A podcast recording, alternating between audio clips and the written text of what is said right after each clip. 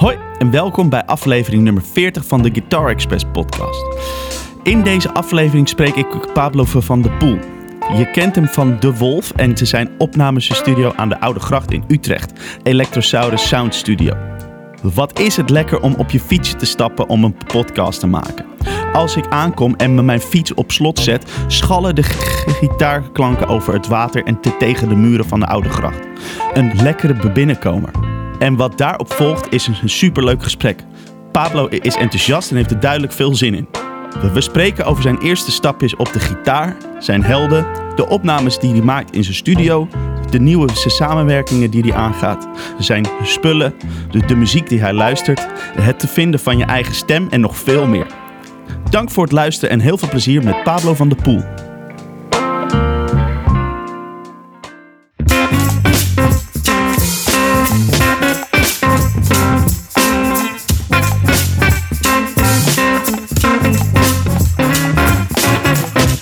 Nou, dankjewel dat ik hier zo mag zijn om jou uh, te spreken. Vind, vind, ik heel leuk. Je, je, wil niet weten hoe vaak ik al, al de vraag heb gekregen. Weet je wie je moet interviewen? Echt? Pablo. ja, ja, ja, tuurlijk, tuurlijk. Ik ben wel heel benieuwd wie jij uh, nog op je, je soort van ultieme lijstje hebt staan. Um, ja, dus wat een beetje een soort... Um, ja, de, dus, dus, de, dus Leendert Haaksma eigenlijk. De, daar heb ik al een keer contact mee ge, gehad. En dat werd hem toen niet. En toen zouden we weer een nieuwe afspraak maken. Maar dat, dat is toen ook nooit echt doorgegaan. Dus dat is een beetje lastig. Ah, okay. uh, dus daar moet ik eigenlijk weer een keer achteraan. Maar, maar Leendert Haaksma. En ik wil toch uiteindelijk ook, ook wel, wel internationale mensen gaan, interview, uh, gaan, ja, gaan interviewen, zeg maar, spreken. Ja. Um, ja, dat was mijn volgende vraag inderdaad. Ja. Wil je alleen Nederlandse gitaristen? Of wil je ook... Ja, ja zijn dat lijkt me wel leuk. gitaristen. Ja man. Dat lijkt me wel leuk om daar uiteindelijk uh, ook wel, uh, weet ik veel, ja, gewoon, gewoon internationale gasten. Natuurlijk het meest Amerikanen of zo. Dat, is ja. toch altijd, dat spreekt toch altijd een beetje tot de verbeelding of zo. Maar, uh, dus ja, ja dat en is Jeff wel... Beck en Jimmy Page. Ja, ja, ja. En die twee. En Richie Blackmore, damn. Iemand zou een keer een gitaarpodcast met hem moeten doen. Ja, maar, maar ik, ik vind hem echt zo iemand die dan zegt, ja... Geen zin in. Geen zin in. Weet je, het, dat is, is, is hetzelfde weird, met, met het René van Barneveld. Heb ik ook oh. al, al een, een keer contact mee gehad. Maar toen zei hij van, ja, weet je, echt tof wat je doet en zo. Maar ik, ik heb niet zoveel behoefte om een soort van wat ik allemaal doe en zo. Om dat te, te delen met de wereld of zo. Zei. Oh ja. En, uh, Super. Dus, hij was dus mijn vind... mentor op het conservatorium. Hij is zo'n lieve gast en zo'n sick gitarist ook. Ja, man. Maar hij is dus laatst met pensioen gegaan. Ja. Van het conservatorium in ieder ja. geval. Ja. En, um, maar daar kan ik me wel iets bij... Nou ja, hij heeft wel les gegeven op het conservatorium natuurlijk. Dus je zou ergens... Verwacht ik het ook weer niet dat hij dat dan niet, uh, dat hij niet per se inzicht wil geven in uh, wat hij doet. Ja, ik denk dat hij het gewoon uh, dat hij niet, niet die, die behoefte had of zo om dat dan te uiten. Maar, maar in, in, zijn mail, want we hadden zo'n paar mail, mailtjes heen en weer. Ik had ook wel het gevoel dat hij dan misschien het later wel een keer zou willen doen of oh, zo. Ja. Dat, dat gevoel had ik er wel bij. Maar uh, ja, maar dat, dat, dat, dat, dat vond ik ook wel mooi. Dat hij gewoon echt zegt van, nou heb ik eigenlijk niet zo zin in of zo. Weet je wel? Dat vond ik ook wel weer cool. Hij is, hij is zo van, ja, ik, ik ga niet een soort eh, heel erg, eh, weet je wel, eh, so- sociaal geaccepteerd antwoord geven of zo. Ik, Ja, maar heel erg zo van vormen naar wat, uh, wat normaal ja, is. Nou, ik moet heel eerlijk zeggen dat ik, ik... Ik vind het soms best wel moeilijk om te praten over muziek. ja, snap ik wel. Als in, ik ben echt 24-7 ermee, ermee bezig. Maar erover praten uh, ja, ligt een beetje aan de dag of zo. Er zijn ook echt al dagen dat je me kunt treffen en dat ik ja, echt niks te vertellen heb. Omdat ik denk, ja, weet ik veel. Weet ik veel. Ja, wat weet ik nou? Ja, als je over dingen gaat hebben als wat is een goed liedje of zo, dan, Ja. dan ja, er zijn mensen die daar echt super elaborate antwoord Ja. op kunnen geven. En ik, ik hoor zoveel verschillende dingen en, en ik ben helemaal niet methodisch wat dat betreft. Nee. Dus dat is, ja, het is, soms is het allemaal een beetje random of ja, zo. ja.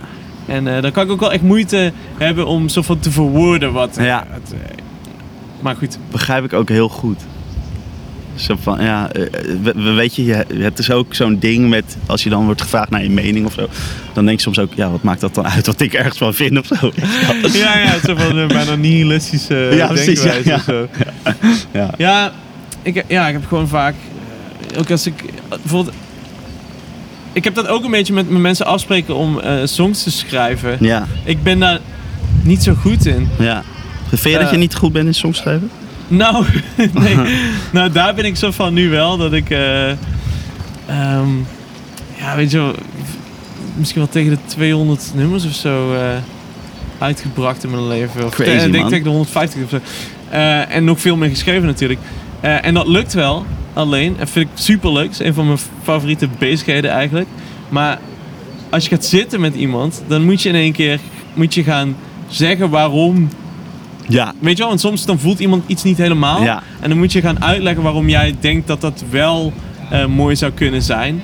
En ja, daar ben ik gewoon niet goed in. Weet je wel, je moet mij gewoon opsluiten en mijn gang laten gaan. En dan, eh, dan heb ik na twee weken heb ik een mooie plaat eh, Ja. geschreven en opgenomen. Maar, dat- maar ik wil dat wel leren, want ik, ik zie ook wel in natuurlijk dat, dat je super erg kunt... eh, kunt eh, ja, het samenwerking kunnen natuurlijk prachtige Ja. dingen komen. En, Ja. en dat kan ook je horizon verbreden en zo. Dus ik ben dat de laatste tijd wel aan het doen. Maar het is wel... eh, ja, er komen ook wel bepaalde social skills bij kijken. Ja, man. Ja, Die je niet op het conservatorium geleerd krijgt. Nee, nee man. Maar, maar, maar sowieso vind ik het ook altijd een soort best wel spannend om iets te schrijven met iemand of zo. Want dan moet je toch een soort je openstellen of zo. En, maar maar, maar dan, Ja. wat je zegt, als, als je dan iets hebt verzonnen en iemand anders vindt dat niet vet, dat kan dan toch een soort, soort naar voelen. Eh, Ik weet niet of jij dat ook zo voelt, maar dat kan ik toch tegen denken van, kut, waarom vind je dat nou niet vet? Dit is een super Ja. vet idee, weet je wel. Of je durft het niet tegen elkaar. Kijk, ik heb best wel eh, van die. Eh, ja, hoe noem je dat? Zo van tipping point momenten zijn er in het maken soms van nummers. Ja. Dat, je, dat je echt heel erg beseft van... Oké, als ik nu zeg...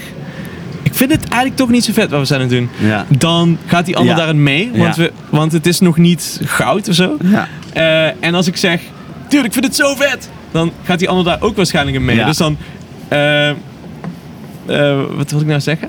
Ja, dat, dat kan soms. eh, oh ja, en als je dus gaat voor het. Weet je, we zijn hier nou al de hele ochtend mee bezig, Ja. de hele dag mee bezig. Laten we het gewoon afmaken en er Mhm. zoiets vets mogelijks van maken. Ja. Dan kan het ook zijn dat je aan het einde van de dag misschien denkt van. Kijk, als ik zelf nummers schrijf, dan is denk ik één op de drie. Daarvan denk ik, ja, die is echt vet. Mhm. En die andere twee, ja, die moet je ook maken, maar Ja. die moet je gewoon gaan. Ja. En als je met iemand samen eh, werkt, kun je ook wel hebben dat je allebei denkt van ja, we, zijn het nou doen? En Ja. dit nummer heeft wel vette dingen, Ja. dus we gaan ermee door. En dat kill your darlings ding, Ja. zo, dat wordt dan eh, wel moeilijker, vind ik. Want misschien had je dat idee gewoon moeten laten voor wat het is. Klopt. En even snel door naar een volgende ding en dan schrijf je misschien iets. Ja, eh, het- en het is ook heel lastig als je dan met iemand zo zit. Dan heb je helemaal afgeschreven. En dan, dan wil je eigenlijk niet dat dat een, een van die liedjes is. die dan die mindere zijn die je ook moet maken. Want dan wil je eigenlijk dat daar wel wat, wat echt wat uitkomt of zo. Ja, en in je eentje is het veel makkelijker om, om gewoon eh, op abort mission te klikken. Ja, als je op 70% bent Ja, of zo. ja. Dan denk je, nou weet je, dit wordt eigenlijk niks. Nee. Door met de volgende. Ik heb eh, in het begin van eh, lockdown heel veel geschreven. En toen had ik op een gegeven moment bijna een soort methode te pakken. dat ik dacht, oké, als ik een nummer ga schrijven op een dag... dan is het nummer wat ik er nog snel even achteraan schrijf... omdat ik in een goede flow zit... dat is eh, eigenlijk altijd de betere van de twee. Oh, wauw. Dat is cool. En toen werd zo van het doel werd om twee nummers per dag te schrijven. En dat haalde ik niet. En toen is dat ook weer Toen is weer- of zo. ja. Het was mijn methode weer weg. Maar ehm, ja, dat, dat is... ehm, je bent wendbaarder natuurlijk in je, in Ja. je eentje. Zeker. Het is wel leuk om met andere mensen... Ik heb laatst iets fucking vets eh, eh, gedaan. Ik, Bas van Holt, die ook op jouw eh, ja, podcast is Ja. geweest, van de Dove Brothers. Ja. Ik, ik heb soms, als ik hem hoor zingen, dan moet ik aan Sam Cooke denken. Ja. Sam Cooke is Oh, een van ja. mijn favoriete zangers Ja. ooit.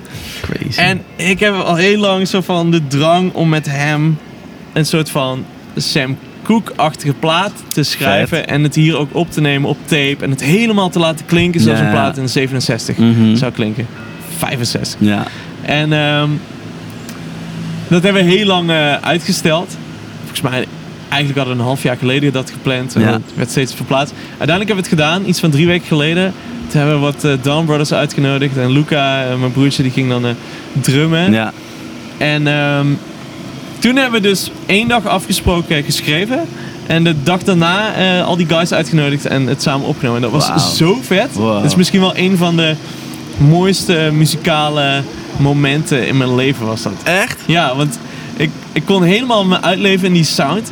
Het moest niet hi-fi klinken, het moest gewoon helemaal... Het moest, we gingen echt zo stacks platen luisteren. Ja, en dan zo, ah ja, die drums... Ja, echt, ja, het moet echt doffer, hè? Ja, oké, doffer. Eh, echt dat helemaal proberen in die vibe te komen. En ehm, het samenspelen met zo... We wilden geen overdubs doen. We wilden eigenlijk... We waren met z'n negenen. Drie blazers hadden we. En eh, Bas op zang, ik op gitaar. Rafael speelde gitaar of eh, whatever, whatever. Hij kan alles spelen. Ja, ja, ja. Luca Vet. drums, eh Tammo bas. En ehm, anyway, iedereen had... We waren met z'n negenen live in die ruimte aan het spelen. En het was zo vet. En we- ik had echt heel erg het gevoel van... ah, ik kan echt... Er komt geen... ehm, weet je wel, stress of zo bij kijken die je normaal misschien hebt van... Ja, man. Oh shit, ik moet wel, ik moet dit wel moet goed wel doen iets doen. Ja, Want precies. ik was omringd door zoveel talent en zoveel goede heerlijk. vibes. Ja. Dat het echt... Het was alsof ik ging liggen in een bad. Oh, en dat ik gewoon man. een beetje kon friemelen. en ehm, Lekker. ja, en oh ja, waarom zei ik dit nou? Omdat de, oh ja, de dag daarvoor heb ik dus met Bas ja, vier nummers eh, Ja. geschreven. En dat, Oh ja, en dat was eigenlijk eh, een van de eerste keren in mijn leven dat ik buiten die, die twee, eh, mijn twee broeders van de Wolf met iemand anders iets heb geschreven waarvan ik echt dacht: oh fuck yeah, dat is echt killer. Is eh, vet, man. wanneer komt het uit? En onder welke naam? Hoe? Eerlijk gezegd, die eerste dag was echt gewoon een beetje om te kijken of het überhaupt leuk was. Toen die tweede dag gingen we spelen en dachten we, oh my god, dit is zo vet. En de dag daarna hebben we alleen maar berichtjes naar elkaar gestuurd van, we, we gaan, eh, we gaan het volgende week weer doen. Ja. En, eh, en we gaan er sowieso iets mee doen, maar wat, weet ik nog niet. Vet, ik denk, ja, een plaat maken. Er zit weinig anders op. We moeten wel dan. Ja, Vet, het hè? is echt heel, dat dat- heel cool. Dat, dat, dat klinkt echt dat ding wat je altijd najaagt als je muziek maakt of zo. En dat dat dan heel vaak inderdaad ook niet lukt. En dan, dan nu wel of zo. Ja. Ja, dat... Ja. Ik, ehm, ik had gek genoeg... eh, misschien wordt het te veel eh, diepte, in de diepte gaan, maar... Super lang niet gespeeld, eh, voor het publiek natuurlijk, Mhm. met eh, corona. En toen laatst konden we weer een test-event doen. Ja. En toen eh, werd ik... We hadden drie shows en die eerste... Vooral de eerste, maar de tweede ook nog een beetje... werd ik toch vooral overmeesterd door een gevoel van stress. Hmm. Ik besefte me, oh, ik moet hier van genieten, want ik kan eindelijk weer voor mensen spelen. Maar het was, het was zo lang geleden dat ik wilde zo erg eh, presteren dat het, ehm, dat het me best wel eh, stress gaf op het podium nog. Weet je wel, meestal is dat verdwenen zo naar de eerste Ja, noten. ja. Dat is altijd het cliché ding wat iedereen zegt. Maar dat bleef. Ja, het bleef best wel tot echt driekwart eh in de show. En ehm, ja, die, die zijn, dat, dat gebeurt ook gewoon of zo. Maar het is ook lekker. Het was lekker om daarna zo'n opname te hebben waar dat totaal niet was. Het was echt helemaal zo van. Ik kon alles, ik kon er echt alles in kwijt wat ik, wat ik wilde. Ja, lekker. dat is altijd lastig als er ergens een soort van druk op ligt. Dan wordt het een soort... eh, Ja, het was echt het was super, eh, super los allemaal natuurlijk. Weet je, we hadden, wat, het grappige was ook, we hadden dus drie nummers geschreven de dag van tevoren.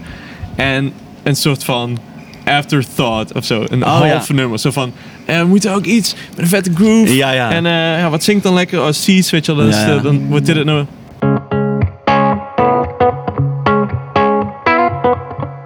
Whatever, dit, Ja. was, dit was het zo van. Ja, en toen kwamen die blazers de volgende dag. En zeiden we, ja, we hebben nog een ding. Het is eigenlijk gewoon alleen maar een groove. En misschien kunnen jullie een vet lijntje erop doen en kunnen we het tot iets heel vets maken. En toen hebben we echt letterlijk zo van, we hebben er 10 minuten denk ik aan gewerkt. En toen zijn we gewoon gaan spelen met z'n allen. En, en dat was het moment waarop ik, en toen dacht ik, oh my god, misschien vind ik dit wel gewoon het allervetste nummer. Gewoon dit ene akkoord. En dat zat alleen maar, het was alleen maar 1, 4, 5. ja, ja, ja. En ehm, dat was zo heerlijk. Het was echt heerlijk om... eh, en dan zat er op een gegeven moment... Zat er, ja, mocht ik dan een solo doen? En eh, dat voelde ook gewoon heel goed. Want het was zo, zo duidelijk... En zo fijn om te spelen. Dat ik kon gewoon een beetje zo van Albert King-achtige... Ja. Pling, pling, zo. En het hoefde helemaal niet... Het hoefde niet virtuoos te zijn of wat dan ook. Het was alleen maar gewoon... Alleen maar gewoon eh, chillen. Vet man. Lekker. Ja. Leuk man. Dus, je maakt, ehm, eh, want dat is leuk, wa- wa- want ik had als vraag ook voor, voor straks eigenlijk zo van wat, wat zijn een van de tofste dingen buiten met de, de wolf wat je hier hebt, hebt hebt gemaakt of opgenomen. Of eh, weet je wel, waar je Oeh, deel ja. van uit bent gemaakt. Maar dat, dat, nu, nu heb je misschien al misschien wel, wel die vraag het een beetje beantwoord. Omdat je er straks ook zei van... Dat was één, één van de tofste dagen uit mijn leven of zo. Ja. Ja, ehm, maar eh, zoveel dingen, man. Ik heb zoveel, ik heb zoveel geluk dat ik zoveel toffe, toffe bands hier heb mogen opnemen. Ik heb ook laatst eh, Elephant opgenomen. Mm, met, eh, ken je Michael Broekhuizen? Ja, die is de bassist van Cosmic Carnival Ja, zo? en ook Frank Schalkwijk, ook van Cosmic Carnival. En Kai van Cosmic Carnival. Oh, ja. En Bas. Zit hij ook in jouw podcast? Bas eh, Vosselmans. Nee. Oh, dude. Nee. Ja? Hij is echt sick. Ja, ze zijn allemaal sick muzikanten. ja. Eh, en ja, Steve, was die heeft het er ook op gespeeld. Ze? Voor Wolfs, dus Steven Wolfs. ja, die heeft de pedalsteel Die gespeeld heeft, op de EP. Ah ja. Die ook, eh, die Oh, maar die ook is- dit jaar nog eens... Nee, dat is niet waar. maar die, heb je ook hier gedaan. Ja, en we hebben dus net... We hebben een EP gedaan vorig jaar. Ook in coronatijd. Oh. Maar die is eind... Nee, die is laatst uitgekomen. En we hebben ondertussen een plaat opgenomen. Ah, een ja. maand geleden ongeveer. Ja. En dat was ook zo vet. Die band is zo goed, weet je wel. Dat is zo mooi om... Ik vind het zo... Ik klink echt fucking banaal, maar muziek is gewoon zo... Muziek maken is gewoon zoiets moois. Het is zo mooi als je zo van niet... Als je gewoon met vier mensen of meer mensen of drie of whatever... in een ruimte samen gewoon iets maakt en, en geen... Geen moeilijkheid Mhm. en, en te veel overdubs of zo van... Ik weet niet, zoveel mogelijk live doen eigenlijk. Dat is eigenlijk wat ik wil zeggen. Ja. Dat vind ik zoiets, eh, dat vind ik heel gaaf. En Ja. ze zijn ook super goede zangers allemaal. Dus dat stond er bijna allemaal Oh, gewoon vet, 1, 2, ja. 3 takes op. Ja. En dan, ja, dat zijn echt van die kippenvel momenten vind ik. Vet man. Dan, eh, daar leef ik voor. Ja man. En op het podium staan natuurlijk.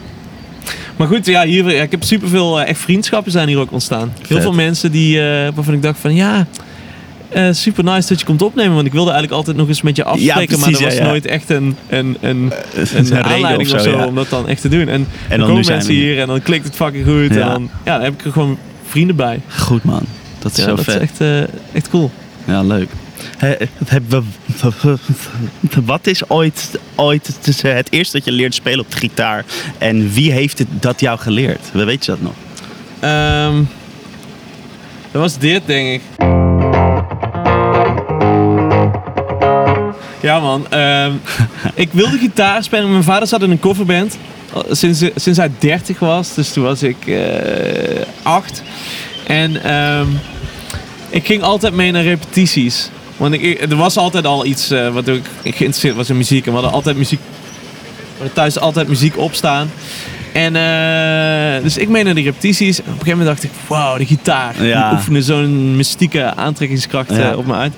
Dacht, dat wil ik. Dat was ook, die gitarist speelde op Gibson. Dus ik denk ook dat daar zo van een, Gibson, het ding is ontstaan in mijn hoofd. Van, oh, dat is het ul- ultieme merk. Ja. En hij speelde daarop. Dave heette die. En eh, maar de echt de reden, zo van de aanleiding om te zeggen, oké, nu wil ik echt gitaar spelen, was Metallica. ja. Ik luisterde vanaf dat ik zeven was, eh, was ik echt fucking eh, erg Metallica fan.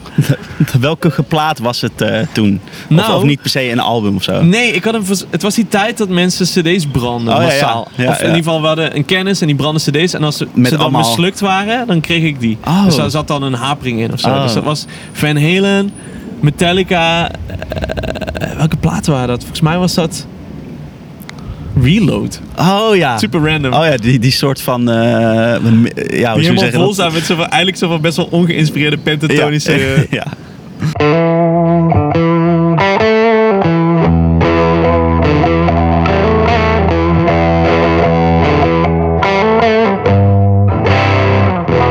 Weet ik, weet Ja. ik, ik heb het nooit, ik heb het nooit leren spelen. Want het ding was, Metallica was zo van helemaal de shit. En toen wilde ik een gitaar. En toen kocht ik een gitaar. En toen kwam ik er dus al heel snel achter.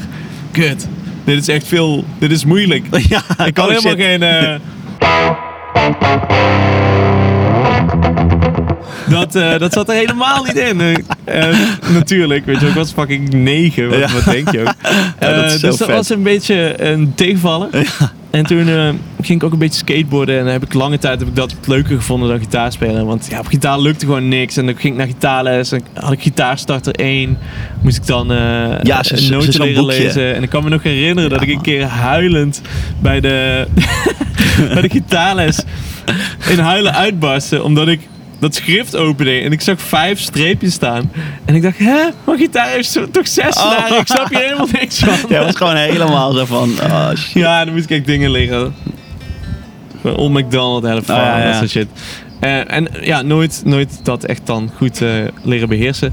En toen ontdekte ik Nirvana. Ja. En toen was er een, eh, een vriend van een kennis van mijn ouders of zo, die speelde, die leerde me een powerchord. En toen kon ik ineens gewoon met twee vingers, kon ik gewoon Ja, een beetje al lag de wereld open. En toen, ehm, toen ben ik mijn eerste bandje begonnen toen ik 11 was. En ehm, toen speelden we eerst Nirvana covers. En eh, Smashing Pumpkins werd ik toen ook fan van. Hm. En toen eh, al vrij snel, toen op mijn 13 of zo, of mijn 12e, toen ontdekte ik Jimi Hendrix. En toen had ik in ieder geval al zo van genoeg basis Ja. dingen opgedaan eh, via Nirvana om me enigszins te wagen aan die ja. Hendrix dingen. Ja, ja. Het was in ieder geval grijpbaar. En ik zat Ja. volgens mij ook nog steeds op gitaarles die, bij diezelfde guy. Ja, En die vond het dan wel leuk dat ik Hendrix eh Opeens. zo vanzelf eh had Ja. ontdekt of zo. ja. En dat wilde die me ook wel eh, uitleggen. En toen, eh, en daar is het echt eh, een beetje begonnen. Crazy.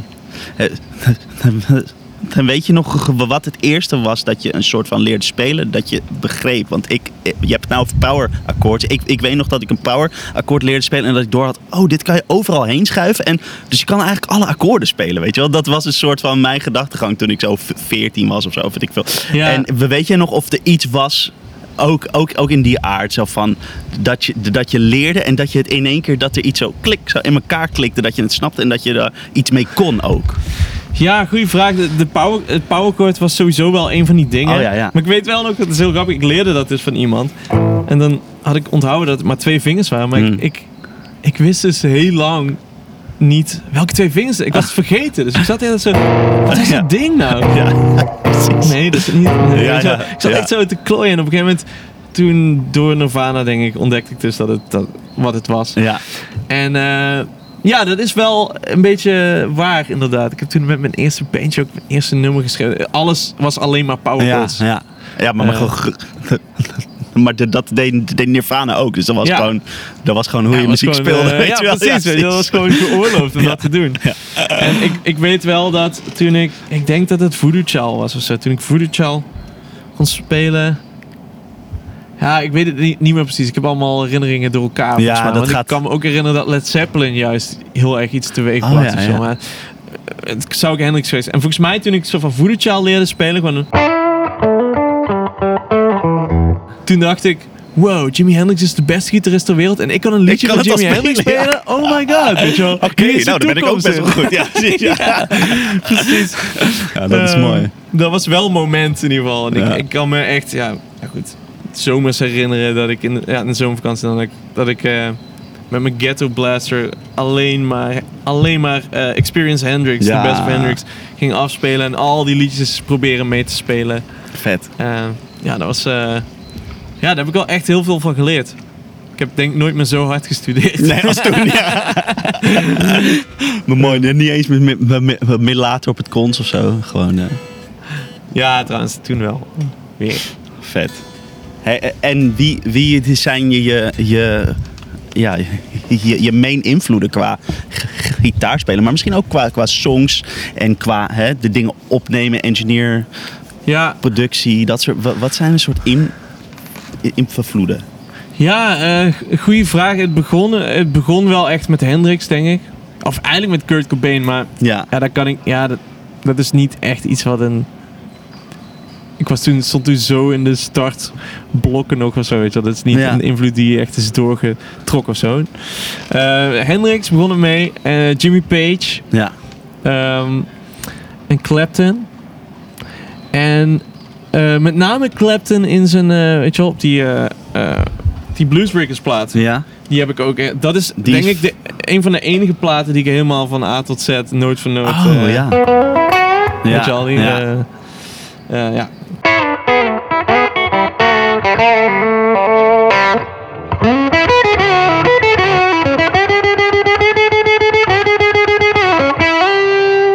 Best wel moeilijk spelen zo. eh, met die eh, ver- vertraging die er is. Ja, een soort Merk je wel- net zo van milliseconden. Ja, ja, ja, ja, ja.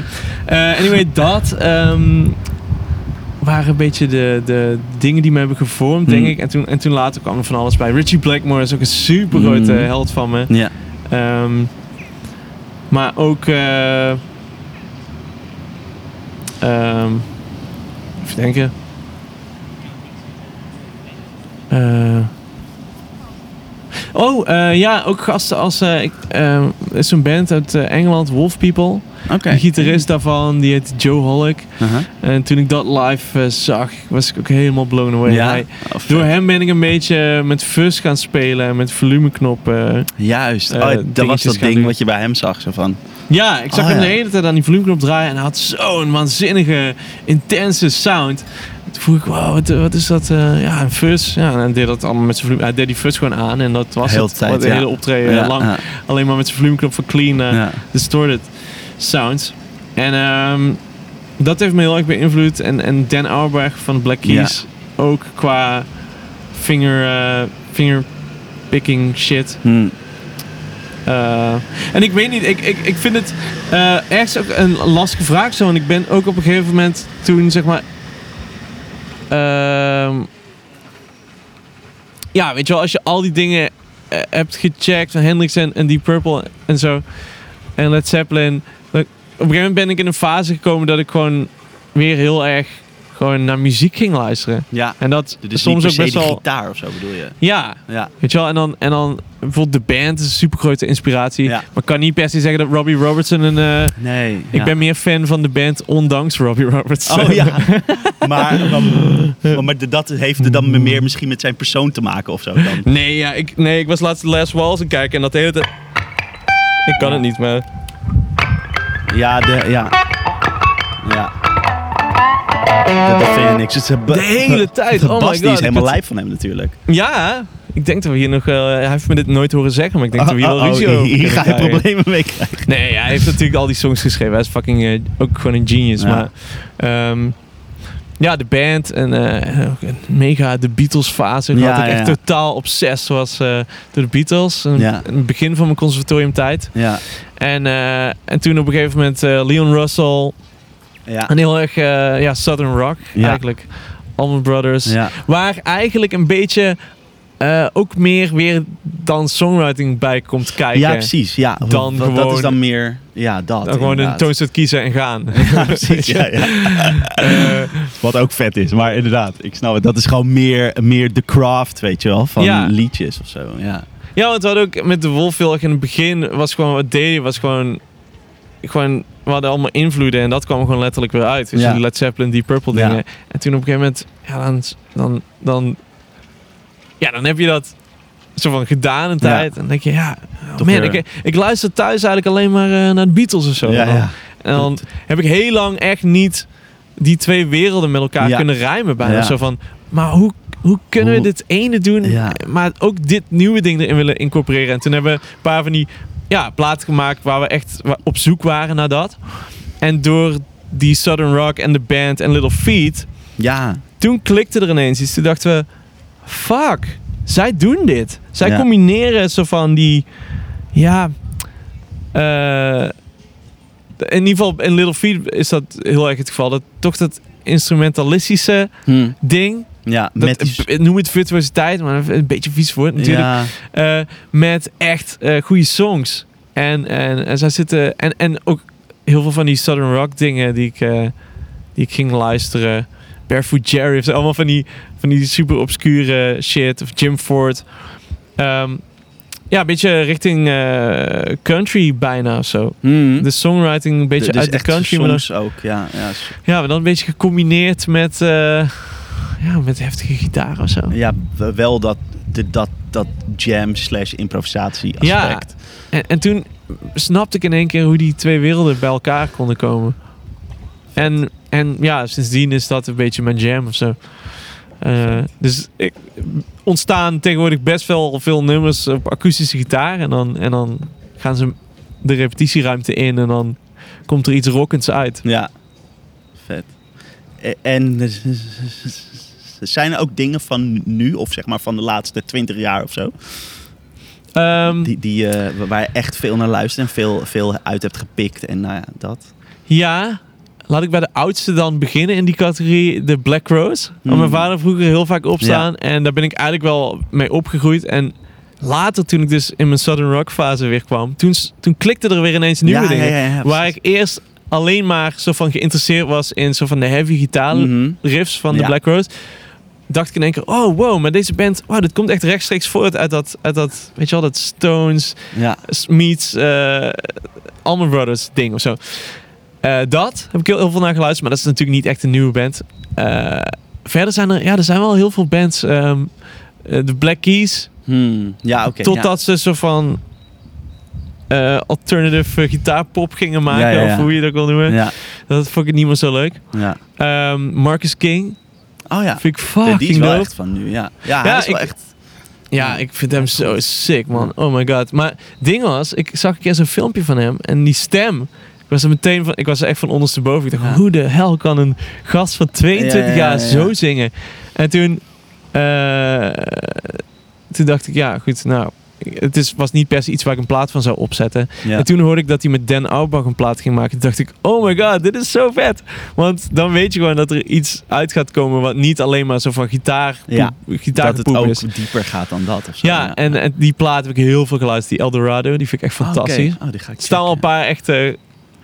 Dude, dat is echt een heel vet plaat. Ja, er Ja, staan een paar ja. eh, goede rockers op met sikke gitaarsolo's. Ja, wat licks, wat goede licks eh, weten af te... ja dat was echt lang geleden, weet je wel. Ik was helemaal... Ik had al heel lang geen eh, gitaarheld Ja, eh, meer Ja, echt gecheckt. En toen kwam Marcus King. En ik had hem ook live gezien in Paradiso net voor de, net voor de lockdown. En ehm, hij is een waanzinnige gitarist. Maar het was ook bij die show vooral die stem die het hem deed. hm. Want gitaar verdween een beetje. Maar op plaat doet hij wel een paar sikke dingen. Of zo. Heeft zo zo'n lick, die vind ik heel vet. Want die kun je overal gebruiken. Oh ja. En dan, ja, die je... Ja. Dat is dus de, dan, de dan lachen dat het eigenlijk een soort standaard iets is, maar toch net met een, met een Ja, twist door die, door die extra aanslag Ja. of zo. Want vroeger deed ik wel... Ja. Of zo, ja. Ik weet niet. Maar door die, eh, doordat hij alles eh, aanslaat, dat, dat geeft het wel een soort van eh, heel vet. Het is zo van Hendrix-achtige lik of zo, denk ik. Het, komt, het lijkt ook een beetje... Weet je wel, eh, vind ik- dat vind ik een beetje classic Hendrix. Ja, ja. Trouwens, over gitaarhelden gesproken. Een van mijn allergrootste helden is, is Paul Kossoff. Oh, van Free. free. Eh, Oké, ja. voordat ik het straks terugluister, denk ik... En dat je, waarom, heb ik die niet genoemd? Vergat ik al mijn gitaarhelden, denk ik. Eh, en Ja. nieuwe dingen. Ik, heb ook, ik haal ook best wel veel inspiratie uit bands die hier komen opnemen. Ja. Bijvoorbeeld de, toen de Dawn Er is Brothers veel hier- in Nederland, hè. Jemig, Ja. Dawn Brothers ook, joh. Ja, Nou ja. eh, toen zij jammer, hier ja. kwamen opnemen. Dat heeft wel echt een beetje mijn, Ja. mijn leven veranderd, Vet. denk ik. Ja, was daarbij. gasten zijn allemaal zo... Ja, ja, precies. Jij was erbij. Dat, dat, dat, heb je toch gewoon opgenomen, zeg maar. Ja. Ja. Ja. nee, ik bedoelde meer zo van, ik heb het echt van dichtbij ja, meegemaakt. ja, dat was echt eh, super inspirerend. Echt veel van die gasten geleerd. Ja. En ehm, ja, qua nieuwe dingen, heel even denken. Ja, dat zijn echt vette dingen. Eigenlijk, mijn vrouw is de grootste nieuwe muziekontdekker van ons Oh tweeën. Zo, zij komt heel vaak met dingen die ik dan heel vet vind. Ja, Dus bijvoorbeeld eh, Daniel leuk. Romano of zo. Vind ik heel cool. Maar ook, ook eh, ik ben dus de laatste tijd echt into hele oude muziek. Het is echt eh, van die, eh, van die early R&B. Oh. Van die...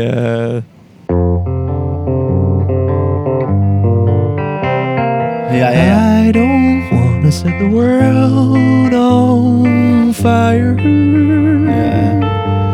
I just wanna start a flame in your heart. Echt van die eh, hele oude pop. Ja, precies. Ja, die, Echt eh, jaren 40. ja, de- ja, eh. de- ja die, die, die, die populaire muziek van toen of zo. Ja, en mijn vrouw die luistert dus heel veel en dan luister ik heel graag mee van die, van die oude country. van die.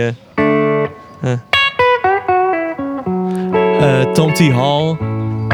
En echt van die, van die artiesten die je in de uitverkoopbak eh, Mm. bij de antiekwinkel eh, tegenkomt. Bij de platen, weet je wel. Zo eh, gasten als... ik vergeet hun naam ook altijd. Mhm. Gasten als... hoe heet die ene dude nou? Wacht, moet ik even opzoeken. Want Ja. dat, dat, dat vat wel een beetje samen. Want Ja? Ik vind het heerlijk om daarna te luisteren. Ja, die, met, met van die hele oude, oude muziek, als ik dat luister, heb ik altijd zo, zo, zo het gevoel dat er even, even niks aan de hand is of zo. Weet je Ja, wel? ja Zo heerlijk. van, Zo, oh, echt zo'n lekker wereld zo waar je naartoe kunt eh, ontvluchten. Ja, Ja, Jim ja. Sullivan was het en Jim Reeves. Oh, oh ja, Jim Reeves ken ik wel. En Roger Miller. Ja, ja, ja, ja, ja, dat soort echt. Heerlijk, van die Ja. stoffige country. Ja, ja, maar dat is waanzinnig inderdaad. Dat is, dat is zo... de- Ja, echt wat ik net zei. Dat je dan zo helemaal zo eventjes daar kunt zijn of zo. Als je dat Ja. opzet. En dan is er even niks.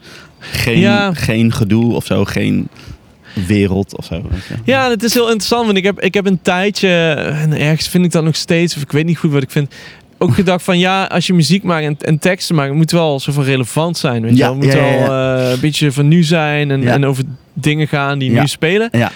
Maar dan soms luister ik weer muziek en dan denk ik, deze tekst is zo, is zo, ja, ja, ik durf niet cliché te zeggen, maar eh, ook van die, sommige van die Sam, Sam Cooke eh, nummers. weet je. Ja. Let me tell you about the girl I Ja, ja, love. She's the one. En ja, De- Dat is het gewoon juist Het is lekker dat het dan over een soort van heel standaard dingen gaat of zo. een soort van romantisch eh, wereldje waar je in kunt vluchten. En dat vind ik ook wel heerlijk eigenlijk. En er is eigenlijk geen, er is geen beter. Zo, Nee, dit is gewoon. Nee, maar, maar, maar, maar, weet je, soms heb je zin in dat. Zo van, ah, dan ben ik even inderdaad lekker in het zonnetje en dan luister ik dat en dan is er niks aan de hand. Maar, en soms heb je ook zoiets van, oh, ik wil juist naar Rage Against the Machine luisteren of zo. Eh, eh, eh, zo van, fuck alle, weet ik veel, alle, alle, regeringen. Als het maar legit is, als het maar oprecht is, dat is dat is het enige. dat is het, ja, dat is het belangrijkste. Het is het enige Want er zijn ook gewoon, weet je wel, er zijn ook wel, ja, ik heb daar een beetje met veel hedendaagse rock wel, dan hoor ik het en dan denk ik, ja, dit is, dit is echt gewoon een beetje, ja, een, een tekst gemaakt in de traditie van. Ja, ja. Ja, En eh, Ja.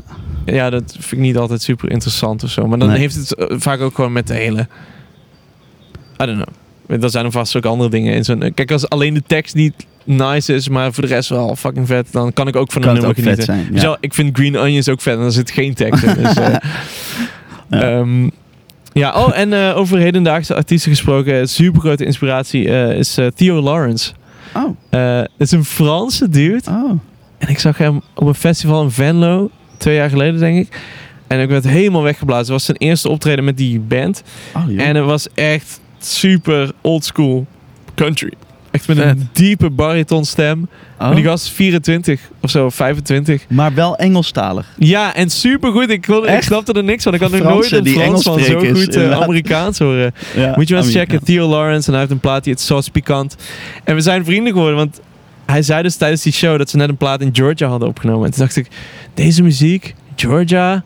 Zou dat bij Mark Neal zijn geweest, waar wij met de Wolf ook een plaat Oh. hebben opgenomen. Dus ik naar hem toe en gevraagd, hij was er bij Mark Neal. Zei hij ja. En toen hebben we Oh. echt urenlang alleen maar Oh, verhalen leuk. vertellen. Van, Ja, ja. oh, hebben jullie dit ook meegemaakt? Ja, Oh, hebben jullie dit ook meegemaakt? En nu zijn we dus samen via WhatsApp zijn we proberen dus samen songs te Vet. schrijven. Vet man. Dat is leuk hoe, dat je dan op zo'n gast afstapt en dat er dan zoiets Ja, ontstaat of zo. ja, want ja, het, eh, hij is echt fucking getalenteerd. Vet. Hij is, had ik laatst, ja, kun je me tips geven over eh, opnemen thuis? Ik zo wat dingen gestuurd, van ja, misschien dit is checken of dit is checken. En toen een maand later stuurde hij zo terug, ja, wat vind je hiervan? Het stuurt me echt, echt het coolste nummer dat ik de afgelopen eh, vier maanden heb Oh, gehoord. wat stuurt hij me terug. Echt Wat vet. fucking mooi opgenomen, helemaal. Helemaal zo van 1962 eh, Ja? country. Wauw. Echt super, super mooi. En nu zijn we dus samen songs aan het schrijven. Alleen, ik, ehm, het duurt een beetje lang. Hm. Ik had nou, veel shit laat doen. een keer hierheen komen. Ja, ja, we hier. moeten eigenlijk gewoon echt een keer dat face-to-face doen of zo. Maar dat, eh, hij woont in Bordeaux, dus dat, eh, dat, kan nou dat is... eh, het kan wel natuurlijk, maar een wil is dus een weg. Ja, dat is waar. maar het is wel niet om de hoek. Nee. Ah, maar, ja, nee, klopt zeker. Vet. Wat zijn mensen waar je, waar je door bent, bent be- beïnvloed, waarvan andere mensen misschien zouden zeggen van wow, had ik niet verwacht, weet je wel. Huh? Oh, opmerkelijk, weet je wel, zoiets. Ehm, ja, weet ik niet. Een, een hele grote held van me is Towns Van Zandt. Oh ja. En eh, als je zijn eh, muziek hoort, ja, dan denk je niet 1, 2, 3 aan de Wolf. Mhm. Eh, goed, ja, ik weet niet, ja, dat is natuurlijk niet, het is niet schokkend of zo, maar een ander ding is ABBA. Oh ja, oké, ja, die is wel. vet. Nou ja, ook weer niet, want het is gewoon super vet. Maar dat ligt inderdaad wat verder weg. inderdaad Ja, ik heb op een gegeven moment echt, ehm, ik, ik wilde heel lang eh, dingen zijn. Dus mijn eerste bandje begon als grunge bandje, weet je wel, echt die Nirvana shit. Toen ging mijn eigen nummers maken en op een gegeven moment wilde ik heel erg Hendrix zijn. Dus toen ging ik alles eraan doen om zo van die band en die richting Mhm. En, en, eh, en toen begon het de Wolf. En toen moest het heel erg psychedelisch Mhm. en, en dat zijn. En ehm, dat was ook oprecht waar mijn hart dan op dat moment eh, lag. Eh, maar daardoor keerde ik me wel ook heel erg tegen bepaalde andere Ja. dingen, weet je wel. Bijvoorbeeld als kind, na mijn Metallica fase, had ik een Limp Bizkit fase. Ik heb fucking veel plezier beleefd aan Limp Bizkit. Ja. Toen ik 9 of 10 was. ook of zo was. geluisterd, ja. Ja, en eh, maar als dan, toen ik, weet ik veel, 19 was zo, als dan iemand op een feestje Limp Bizkit zou opzetten, zou ik helemaal zo, ah man, echt nee man, het is helemaal kut. Ja, ja. En ik ben, wat dat betreft, best wel, eh, heb ik best wel switch gemaakt in de laatste jaren. Ik hoor gewoon muziek voor wat het is. En, Mhm. en sommige muziek vind ik wel vet. En sommige niet. En sommige muziek in die wel vet categorie, dat, ja, dat zijn echt random dingen. Ja, zoals ja. ABBA of, of Ja. dus Limp Bizkit. Ik ben dus eh, twee jaar geleden naar een Limp Bizkit concert in 013 geweest. Zo, toen kwam ik weer in touch met mijn... eh, puber, eh, of ja, Ja. dat was zo vet. Oh my god. Maar Was het wel vet? Ja, wa- want ik de dag juist dat, dat, het, dat het een beetje een soort van schaduw was van wat het toen Ik heb was. dat ook gehoord van mensen, maar dit was zo fucking Ja? vet. Het was Oh, nice. keihard. Het was in de 013. Die Ja. hele zaal ging Ja, er gewoon voor. bouncen natuurlijk. Ja. Ja, en eh, ja, ik vond het echt helemaal mooi. Vet. Ehm, en eh, ja, maar als je heel erg iets wil zijn of wil uitstralen qua muziek of zo, dan moet je ook zo van. Ja, dan moet je bepaalde invloeden ook zo van buiten laten of zo. Want Ja, Anders- klopt. quote unquote tasten die eh soort van Mhm. authenticiteit aan en zo. Dat gevoel Ja. kun je dan hebben. Ja. Maar ik vond het super bevrijdend om op een gegeven moment dat... Bijvoorbeeld mijn eerste dag op het conservatorium in Amsterdam hadden we een band ding. Een, een styleband heette dat. Dan Ja. moest je in een bepaalde stijl koffers spelen.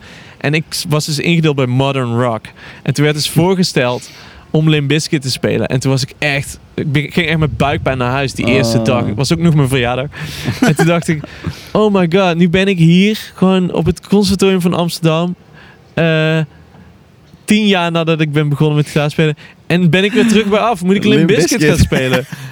en daar ben ik dus helemaal van teruggekomen. Nu Ja. denk ik, ja, weet ik veel. Ja, ik hoef geen Limp Bizkit te spelen. Nee. Maar er is, ja, er is niks om je voor te schamen of Hmm. zo. Of, of- dus in mijn hoofd bestaan guilty pleasures ook niet meer. Het is gewoon, ja, Ja. muziek. Het is gewoon vet of niet? Ja. Ja. Ja. Maar goed, ja, het is, het is, er is natuurlijk wel bepaalde soort muziek die gewoon echt in mijn DNA zit. En als ik zelf dingen maak, dan is dat wat eruit komt. Ja. En dan zal ergens misschien een half procentje ABBA ook in doorcijpelen of zo. Maar het is niet... Zo één, zo'n melodietje of zo. Ja, precies. toevallig. Nee, dat... ehm, ja, dat Ja, vet. van die nummers. Vet. En ehm, wanneer had je ehm, het gevoel dat je echt een soort eigen sound had? eh, he- ja, had, had. Wanneer he- heb je misschien, misschien heb je dat gevoel nog steeds niet, maar, maar nou ja, dat weet ik niet, maar dat kan, weet je wel. Maar, maar heb je dat gevoel en waar, wanneer? Ja, ik heb het dus inderdaad... Ik heb het pas recent. Ja, Maar goed, het is ook wel een beetje... Weet je, je bent altijd zo van op zoek natuurlijk. ja, En eh, nog steeds.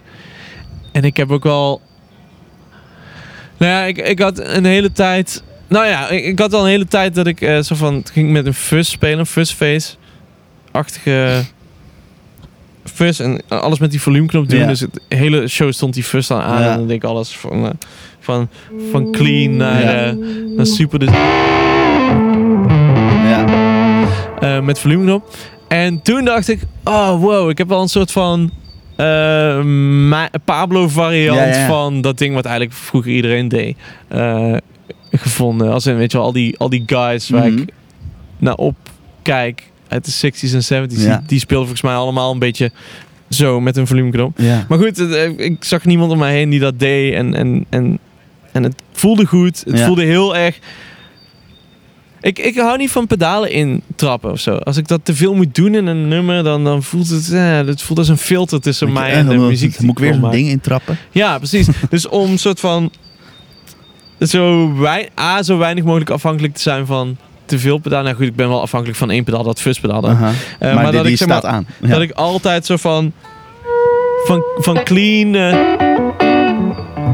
eh, naar zo van de allermeest brute ja, gewoon, kan gaan. Dat Ja. voelt wel heel erg als eh, daardoor voelt die gitaar wel echt als een extensie van mijn Ja. lichaam. Ja, ja, ja, ja. En niet zozeer van, oh ja, hiermee kan ik tot hier gaan en dan moet ik dat pedaal ik indrukken verder, voor de next level. En, en dan nog een ander pedaal voor nog een keer de next level of zo.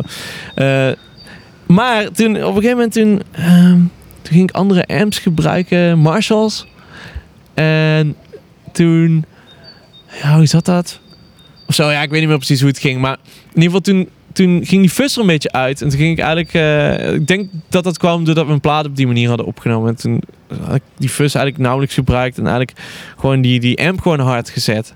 Welke plaat was dat? Ik denk dat dat Thrust was. Mm, mm, Of Rougarou, mm. denk ik. Oké. Ehm, Dat is echt gewoon amp. Ja, want dat, dat fuzz ding, dat was eigenlijk niet echt op plaat beland. Want het, was, het ontstond een beetje na de Wolf 4. Ja. En toen gingen we de volgende plaat, waar ik dat een beetje zo van was aan het ontwikkelen, Mhm. gingen we naar Mark Neal dus om die platen op te Ah. nemen. En die was heel erg zo van, nee, eh, zet die pedaaltjes maar uit, want dat vind ik niks. En, en toen was Rougarou, wat weer best wel zo van rootsy, swampy plaat was. Dus er zat ook niet echt veel fuzz in. En toen ging ik weer meer met versterker eh, drive spelen. Dus gewoon zo'n Marshall, ja, die zet je dan op 8 of zo. En dan zit daar een drive in. Maar als je verder gaat dan die 8, vind ik het niet meer mooi. Dan, dan komt er zo van een hoog sisselig randje bij of zo. En ehm, dus ik zet hem op 8, wat ook eigenlijk altijd zo van te clean was in het spelen. Voor, Oh. voor riffs was het zo van, zet ik mijn volume dan op, op 8 of 9. eh, en, en dan was het best wel clean. En voor solo zet ik dan op 10. En, maar dan had ik niet lekker sustain of zo. Nee, daar had je net te weinig, ja. En, en toen heb ik eigenlijk het zo twee jaar lang of zo echt zo'n beetje zitten, best wel zitten strugglen live. Dat ik, en op een gegeven moment kon ik zo van uitzoomen en toen dacht ik, wat ben je nou aan het doen? dit, dit is toch helemaal niet, vind je dit een mooie sound? Ja. Volume op 10? En toen dacht ik, nee, ik vind het helemaal geen mooie sound. Ik doe dit alleen maar omdat, ik deed het echt alleen maar omdat ik gewoon, omdat mijn classic gitaarhelden allemaal op, op zo'n Marshall speelden met het volume op Ja. 10 of 8 of Ja. 9 of whatever. En eh, dat die combinatie van bijvoorbeeld een Les Paul en zo'n Marshall wordt dan gezien als de classic combi. En dat deed iets met mijn brein waardoor ik dacht van ja, dit is, weet je wel, ik hoef hier niet iets van te vinden. Nee, dit, is, gewoon het. dat geluid en dat is prima of zo. en toen op een gegeven moment besefte ja. ik van oh, ik vind het eigenlijk helemaal niet zo mooi. en toen ben ik weer teruggegaan naar die fuzz. En dat was echt best wel recent pas. Dat is anderhalf toen had je wel geleden. zoiets van, ah, dit is hem wel. Ja, toen heb ik een, eh, een Analog Man Sun... Sunface. Sun... Ja, nee, Sun- Sunface die had Oh. ik al. Een, een Toonbender replica in ieder Ah, geval. oké. Eh, Toonbender MK anderhalf. Oh ja. En, en, en heb ik toen... Ja, en toen... Ja, en dat ging met een paar dingen samen. En toen gingen we met de Metropool Orkest spelen. Ja. Dus dat is best wel kort geleden. ja. En toen gingen we op in-ears. En toen had ik dus Oh, mijn shit. kleine 18 watt bluesbreaker. Die super weinig headroom heeft. eh, die fuzz ervoor. En het was echt zo van viezigheid galore. Het was echt gewoon helemaal wat ik wilde. En toen dacht Ja. ik, wow, nu heb ik mijn sound gevonden. En toen, doordat ik in één keer zo van... eh bullseye had. Mhm. Of het was niet in één keer. Het was nou fucking 12 jaar. Eh, dat ik in één keer dacht van, oh, dit is het. Kreeg ik ineens zo'n idee van, oh, maar als ik zo'n soort amp als deze, dus Ja, met ja. van die EL84 buizen, maar dan krachtiger, als ik dat Oh. kan vinden, dan heb ik al helemaal de ultieme sound. Ja. En toen ging de Tone Quest weer verder. En ja. En toen kwam ik dus en, en laatst nu bij ben je dus bij, bij de waar we nou zitten. Ja, dat gaan we zo Ehm, even. Ja. Oké. Eh, Oh ja, en toen heeft dus eh, laatst eh, iemand een fuzz voor me gebouwd. Deze.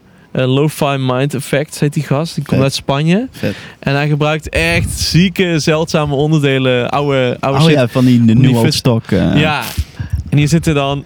Het is eigenlijk een Range Master Treble Boost aan de linkerkant. Oh, ja, ja. En een Fuzz Face, maar schakelbaar naar Toonbender MK1,5 Oh, aan de andere kant. nice. Dus er nog best wel veel opties. Ja eigenlijk, Ja. eigenlijk iets te veel. Ik heb ook gevraagd Oh. of hij... Want deze kwam echt uit zijn eigen initiatief. Hij zei van, dude, ik kan een Fuzz voor je bouwen.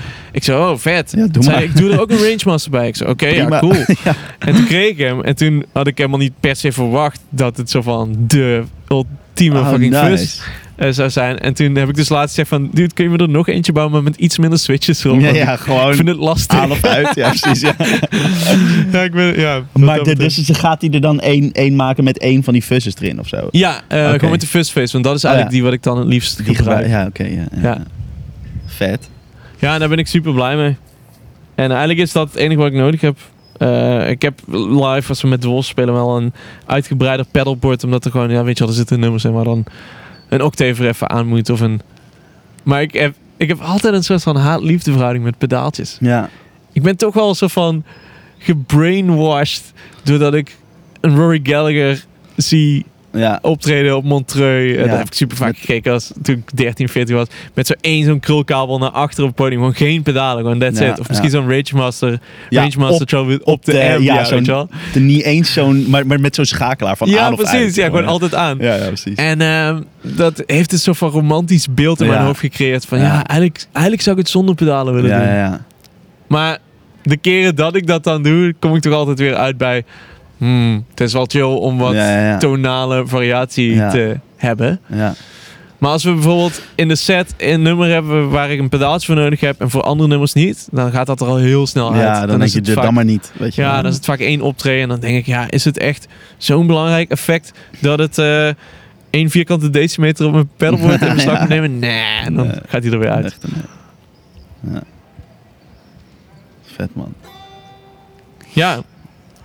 Zullen we heel even een, eh, een, eh, een waterdrinkpauze doen? Het is goed. Een droge bek. Misschien Ja, ik beter ook. even van tevoren eh, wat glaasjes water kunnen pakken. Maakt niet uit. Dan doen we even pauze. Alright.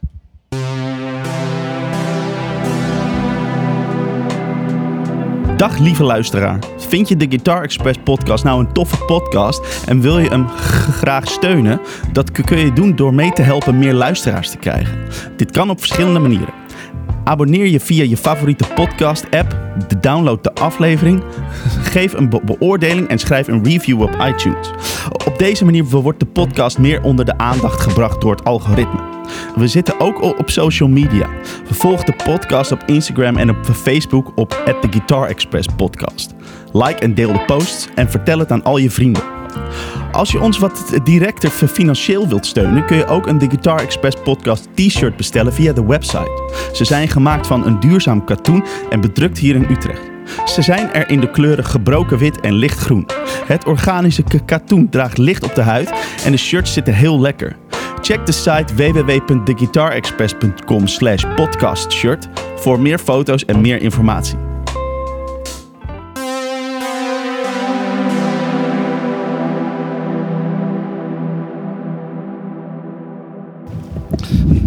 Deze Firebird, dat is volgens mij wel je main eh, instrument, of niet? Ja. ja, dat klopt inderdaad. Het is, ik weet niet, ik heb... ehm, Spaghetti hier hoor, zo. Ik kan hem even weer bij me houden. Het is, dit voelt echt als een soort van ultieme verlengstuk van een lichaam. Ja, ja, ja. eh, qua gitaar, maar ik heb wel... Ik heb ook heel vaak met deze gitaar... Het is echt een humeurige gitaar of zo. Oh. Sommige dagen dan lukt. pak ik het op. Dan pak ik hem op en dan... En dan nee, dan komt het er niet... Maar dat heb ik met alle gitaren Ja. eigenlijk wel een beetje. Maar met deze Ja. heel erg. Ik vind hem qua klank, denk ik... Hij is super... Hij heeft die, ja, van die Firebird eh, pickups. Wat soort van... Weer dan anders is dan mini humbuckers. Ja. En, eh, het komt neer op, op heel weinig output. En daar hou ik van. Ja, Eh, dus het is heel mooi klinkende gitaar voor, voor ritme dingen, vind ik. Maar voor solo's, voor lead dingen, kan die een beetje lastig zijn of zo soms. Ah, oké, want wa- wat is dat dan precies? Ja, Weet je wel lijkt- wat dat is? Het lijkt alsof je het niet alle... eh, Ik in ieder geval, ik kan het nooit allebei in één gitaar hebben of zo. Oh, oké, Dus- niet, ja, oké. Het is zo van... Ik wil eigenlijk mijn pickups altijd zo laag output mogelijk en ook zo laag mogelijk zetten. Zodat... Kijk, met hoe meer output een pick-up heeft, hoe eh, meer hoogte hij ook opslokt. Dus Ja. je sound wordt er doffer van. En ik hou wel van een best wel heldere sound. Hm. Ik ben eigenlijk op zoek naar de meest single coily sound die je uit een humbucker Ja, kunt ja, krijgen. precies. Ah, Eh. maar, maar, maar dat is met dit op zich, dus, eh, is dat wel een beetje wat er met die mini, die, die, die Firebird pickups Ja. is volgens mij. Het is heel dat erg- is wel, ja. Ja, ja, want, want ik, ik zag je ook al, al, die Hendrix dingen toch spelen op die Firebird. Mhm. En, hé, hey, wacht, volgens mij, mij komt hij nou niet binnen, die, die, die gitaar. Oh, jawel, sorry, jawel. Oké. Hij, hij komt hartstikke binnen. Ja, maar dit is echt zag je zo'n, ook die eh, Hendrix ding opspelen Dit is wel, het is best wel een stratachtige... Klinkt als katachtig.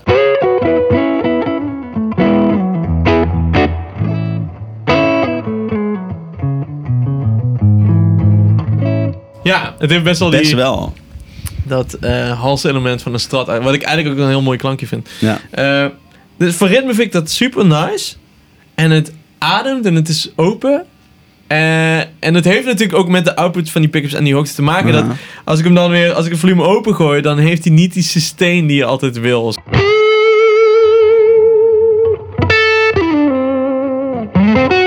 Ja, vandaag wel een beetje, maar het, ik heb best wel vaak live Dus dan. het- toch eh, heeft het een andere sound dan net toen je op je Les Paul speelde. Ja, die Les Paul die, die gaat door en door en door. Ja, en dat speelt echt als boter. En die hele, zo van, ja, die feedback die je krijgt van, van zo'n gitaar, die, die zorgt er ook voor dat, je, dat het zo van als boter gaat spelen. Ja, Je kunt zo van overal meer wegkomen, zo voelt Ja, het. ja, ja, ja. En eh, op die Fiber is er wel harder werk of zo. Maar daar staat wel dan weer tegenover dat ik hem net iets nicer vind klinken. Overal. Ja, precies. Ja. Maar Les Paul vind ik dan heel vet voor... eh, ja, ja, ik weet het, ik kan het niet goed uitleggen. Nee. Maar dit is iets meer zo van elastiek en boter. Ja. En deze gitaar is meer hout. Ja. Wow, dit vind ik wel echt een mooie, een mooie soundomschrijving. Ja. Elastiek en boter sound. Mm. Ja. Ik heb ook 09 op die Les Pauls zitten. Ah, ja. Eh, dus dat zorgt ook wel weer een beetje voor die elastieke Elastiek sensatie. En boter, ja. Ja. Nice. Ja, dat is heel cool. Maar dat, dat, dat is dus echt zo van dat Jimmy Page-achtige... ehm, dat... eh, ook dat super, dat eindeloos hoog benden en zo. Dat vind Mhm. ik echt zo'n... Dat is voor mij... Als ik dat moet doen, dan pak ik de Les Paul. Ja, ja. En ehm, als ik zo van... Maar van de andere kant, die Les Paul kan ook weer een beetje die stratkwaliteit wel hebben of zo. sound. Hij is best wel... Die heeft ook eh, hele lage output pickups. Volgens mij eh, heb ik dat nog nooit iemand horen zeggen. die Les. Paul heeft een strat. Dat ze zeggen dat die, die early, die, die, Ja, die pafs. eh, ja, die, die 59 Les Pauls een beetje klinken soms als een telen aan steroids. En ik, eh, ja, moet ik het ook maar eruit eh, toveren nu natuurlijk. Maar de, de druk wordt hoog.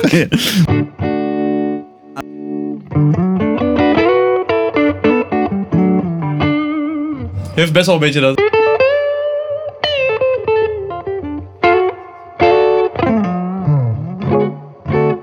Ja, bij, bij, bij- bij een Humbucker heb je altijd in je hoofd zo van... Oh, dat is heel weinig hoog en zo. Maar dit heeft inderdaad heel erg... Ja, dit is... eh, wat is uh, zo'n typisch eh, single ding? Ja, weet je, je kunt ook echt wel van die... eh,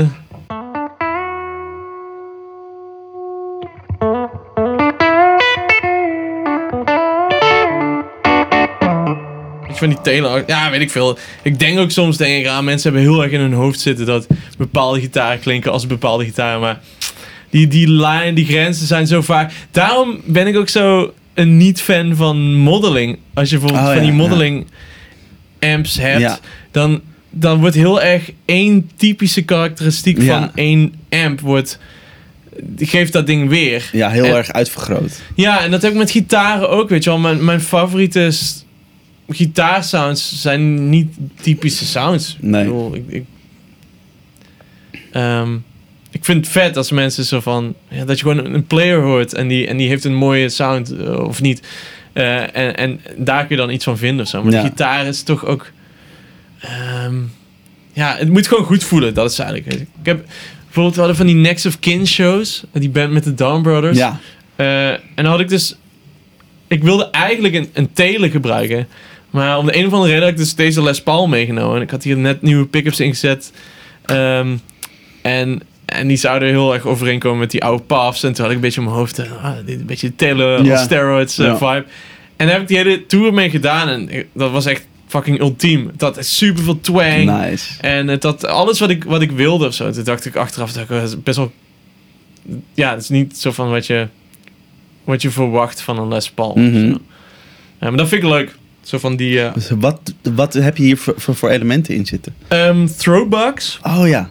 Ehm, Ja, die, die, die, we worden volgens mij ook gewonden op die oude machines en Ja, zo. dude. Echt van die Ja, nerdy shit. Het is fucking is next wel- level nerdiness. Ja, Eh, ze worden inderdaad gewonden op die oude eh Lisona machine of zo. Die in ieder Oh. geval in ja, oh, dat weet ik dan. die eh, Gibson in Kalamazoo had. En in de 50s, zeg maar, dit is de machine waar de originele PAFs op zijn gewonden. En dus dit is echt zo dicht in de buurt van een, een PAF als het maar kan. Ja. En eh, ja, lage output. Dat Ja. hadden PAFs meestal ook. Maar dat, Eh, eh, eh, maar, maar, maar, merk je echt verschil met... Ik, waarschijnlijk zaten hier van die burstbuckers of zo in eerst. ja, hier zaten van die custom buckers in. Oh ja, En die zijn ook wel nice. Nou, ik niet? moet eerlijk zeggen, ik vervang van al mijn gitaren de pick-ups. Oh, eigenlijk. ook En dat die, zijn allemaal ehm. Die, die, die, Firebird ook. Die Firebird ook, ja. Daar heb Oh, ik ja. Seymour Duncan. zin- Ik moet zeggen, die Firebird pick-ups, die waren heel goed gelukt. Die de oorspronkelijke Die- ja, ja, ja, ja.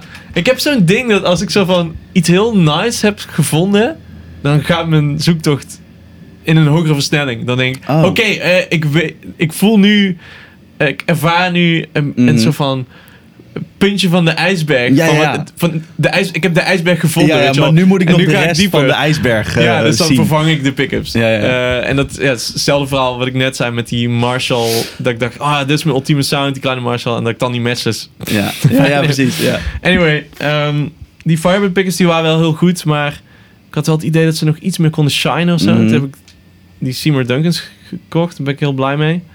En ehm, deze gitaar eh, heb ik dus die throwbox ingezet.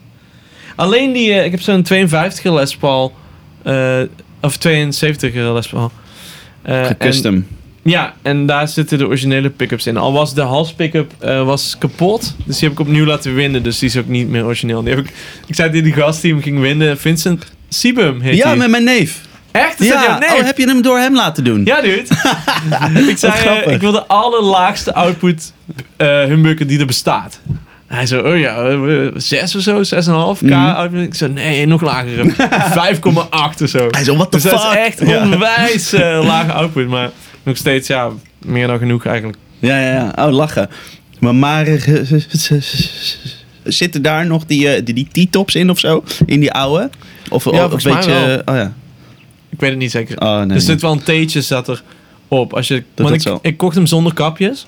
Oh ja. Zonder pick-up covers. ja. Die heb ik er zelf opgezet. En eh, volgens mij zijn het van die T-tops, ja. Mm. Als het betekent dat er een theetje op staat. Weet je dat ik dat niet eens weet waarom die dingen dan T-tops heet? Maar dat zal, ja, Dat zal de zijn, het anders zijn, weet je wel. Ja. Ja, oh, lachen. En, ehm, En ik vervang ook altijd de elektronica. Want, ja, ik weet niet waarom ze dat... Waarom ze dat... eh, Oh ja, want met deze gitaar dus... Dat is wel een leuk verhaal. We speelden een keer met de Dawn Brothers op een feestje van Gibson. Toen ze net eh, die, die nieuwe... eh, weet je wat, toen net was overgekocht door die nieuwe guys. ja, ja, ja. En ehm, waarmee ze al die vette nieuwe gitaren zijn gaan maken en zo. En eh, het was dus een feestje waar ook die Amerikaanse, de echte directeurs Oh ja. waren. En toen hadden we Ja. echt vet, ik had echt super leuke klik met die gasten. Nice. En toen hij- we gingen ook jammen. En op een gegeven moment gingen we Voodoo Child spelen en Iron Man. En het was echt een super leuk feestje. En toen zei eh, ik waren aan het kletsen. Zei hij, ja, wat, eh, wat voor Gibson zou jij nou nog willen? En ik dacht in eerste instantie dat het gewoon een soort van vraag was van, oh, eh, ja, wat gewoon leuk daarover praten. Ja. Dus ik zo, ja, ik vind Firebird wel heel vet. En toen liepen we zo naar de Firebirds in die kamer. Oh, Ik zo kijken. En toen dacht ik, ja, ik heb al een Firebird. En die is helemaal te gek. Dus Ja. ik hoef eigenlijk geen Firebird of zo. Ik, ik weet ook nog steeds niet waarom die dit vraagt precies. En toen zei ik, wacht eens even, er hangt hier een Les Paul, een Lemon Burst Ja, ja, ja. eh, eh, 59 eh, reissue. En die heb ik een keer geleend en daar was ik helemaal verliefd op. En ik wilde die gitaar kopen, maar dat, dat kon niet. En dat vind ik echt sick gitaar. Toen liepen we naar die gitaar en toen, toen eh, zei hij, hier, speel hem maar eens op. Toen speel ik erop. Ik zei, ja, ja dit is die Vet, gitaar, vet. En zei hij, neem maar mee. Mocht ik hem hebben. Ze zo, Ja, dat was echt zo sick, man. Ik was echt helemaal fucking over the moon. Eh, super cool. Dat heb ik thuis echt een week lang alleen maar... Ik speel thuis altijd akoestisch Ja. op, op elektrische gitaar. ja. En dan heb ik een week lang echt de hele tijd op deze gitaar zitten spelen. En toen plukte ik hem in. En dacht ik... Oh, wow. De, de soort van... De super mooie open Ja. projectie zo van, van deze gitaar komt niet echt tot zijn recht nu ik hem Oh, heb ingeplukt. Eh, zeg maar, akoestisch klinkt super nice en elek- En toen heb ik dus die andere pick-ups erin gezet. Ja. Deze. En ik vervang dus ook altijd de elektronica. Want ze zetten dus van die logaritmische Oh ja. audiotaper pots. Oh zetten ja. ze standaard in de volumepositie. En ja, als je dus speelt met zo'n fuzz of een andere vorm van oversturing waarbij je volume terugdraait, heb je daar helemaal niks aan. Want dan is alles tussen 0 en 8 is helemaal clean. En dan tussen 8 en 10 Ja. zit alle action. Ja. Ehm, dus ik vind dat heel onhandig. Dus het- jij wil meer, meer ruimte hebben, zeg maar. Ja, het heeft iets te maken met het menselijk gehoor. Ja. De dB-schaal is ook logaritmisch. Ja. Eh, dus volume. Maar, zeg maar als je een fuzz aan hebt staan en, en dan met je gitaar volumeknop eh, op en neer gaat, dat heeft niks met volume te maken. Het heeft alleen maar te maken met, met hoeveel, ja, hoeveel voltage je... Ja, hoeveel Uitstuurt. ingangssignaal of zo. Ja. In ieder geval, het is heel iets anders dan bijvoorbeeld de, volume, de massavolume op een versterker of zo, weet je wel. Dat, dat moet logaritmisch. Ja. Dus ik zet er altijd lineaire pots in. Ja. Maar het is soms wel. Als ik, het, ik heb in ieder geval heel vaak als ik een nieuwe gitaar. eh, ehm, soms als mensen zeggen van hé, hey, ik heb een vet gitaar, je die lenen voor een show? Dan is het altijd zo van ja, ja toch even checken. Want dat is zo van die logaritmische pots in zitten. En dat is heel vaak. Ja, dan kan ik er niks Dan mee. Dan je moet, niet zo, moet ja. de pots vervangen. Ja. Geinig. Ja. En wat, wat, wat voor, voor merkpotsen doe je daarin dan? eh CTS. oh, CTS, ja. Ja, het is meer. ehm, eh, als ik google, dan vind ik CTS en zo van Chinese Ja, ja. troep. Zo, dus dan koop ik CTS. Maar het zou ook iets anders kunnen zijn. Som, oh, soms de Alpha pot of zo, die maakt ook. ja. Ik heb in die, eh, in die 72 heb ik een eh, push-pull gezet. Die is misschien Ah. van Alpha. Eh, voor Voor, de... voor, voor oude face of zo. ja, Ah, ja, dat is wel vet. ja. Dus die Peter hè? Green. ja, precies. maar ik durfde niet all the way te gaan. Ik durfde niet echt gewoon... Het moest een push-pull zijn, anders is... Ik gebruik best vaak die middenstand. Ja, precies, ja. En- Dus- en- dus je wil niet dat die standaard uit fase Nee, Ja. want dan kun je dus niks meer. Dan is het Nee. of uit fase of één van de pick-ups Ja. hoor je. Als je Ja, als en heb je niet die mooie eh, zoete tussenstand? Of ja, Nou ja, juist alleen maar die... die Wacht, ik het eens laten horen. ja die, die oude face, ja. Ja, je kent die klank natuurlijk, maar het is, het is, het is grappig hoe het werkt. Want omdat ze uit fase staan, als je je beide pick-ups even hard hebt staan, dan doven ze elkaar soort van uit. Dus je volume dropt dan eh, voor een groot deel. Eh, maar er blijft wel nog genoeg signaal over om gewoon iets om te horen. Als je, maar als je volgens een van de twee pick-ups ietsje zachter draait, dan wordt die meteen overruled door die andere. Ja, ja. En dus die middenstand kun je dan niet gebruiken als, als, als gewoon...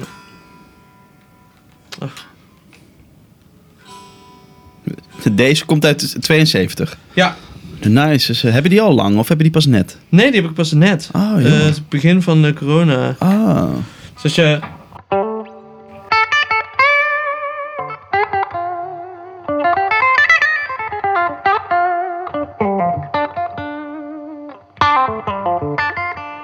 En dan kun je nog een beetje, je kunt een beetje een van die pick-ups wat harder draaien.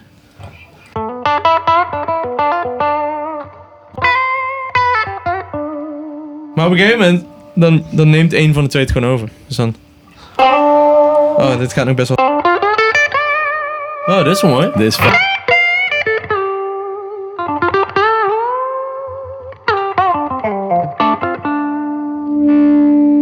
En dan is het gewoon één. Vind hetzelfde. Dus eh, vandaar de push-pull. Dat zal, dan kun je die middenstand gewoon gebruiken voor eh, waar die voor bedoeld is. Ja.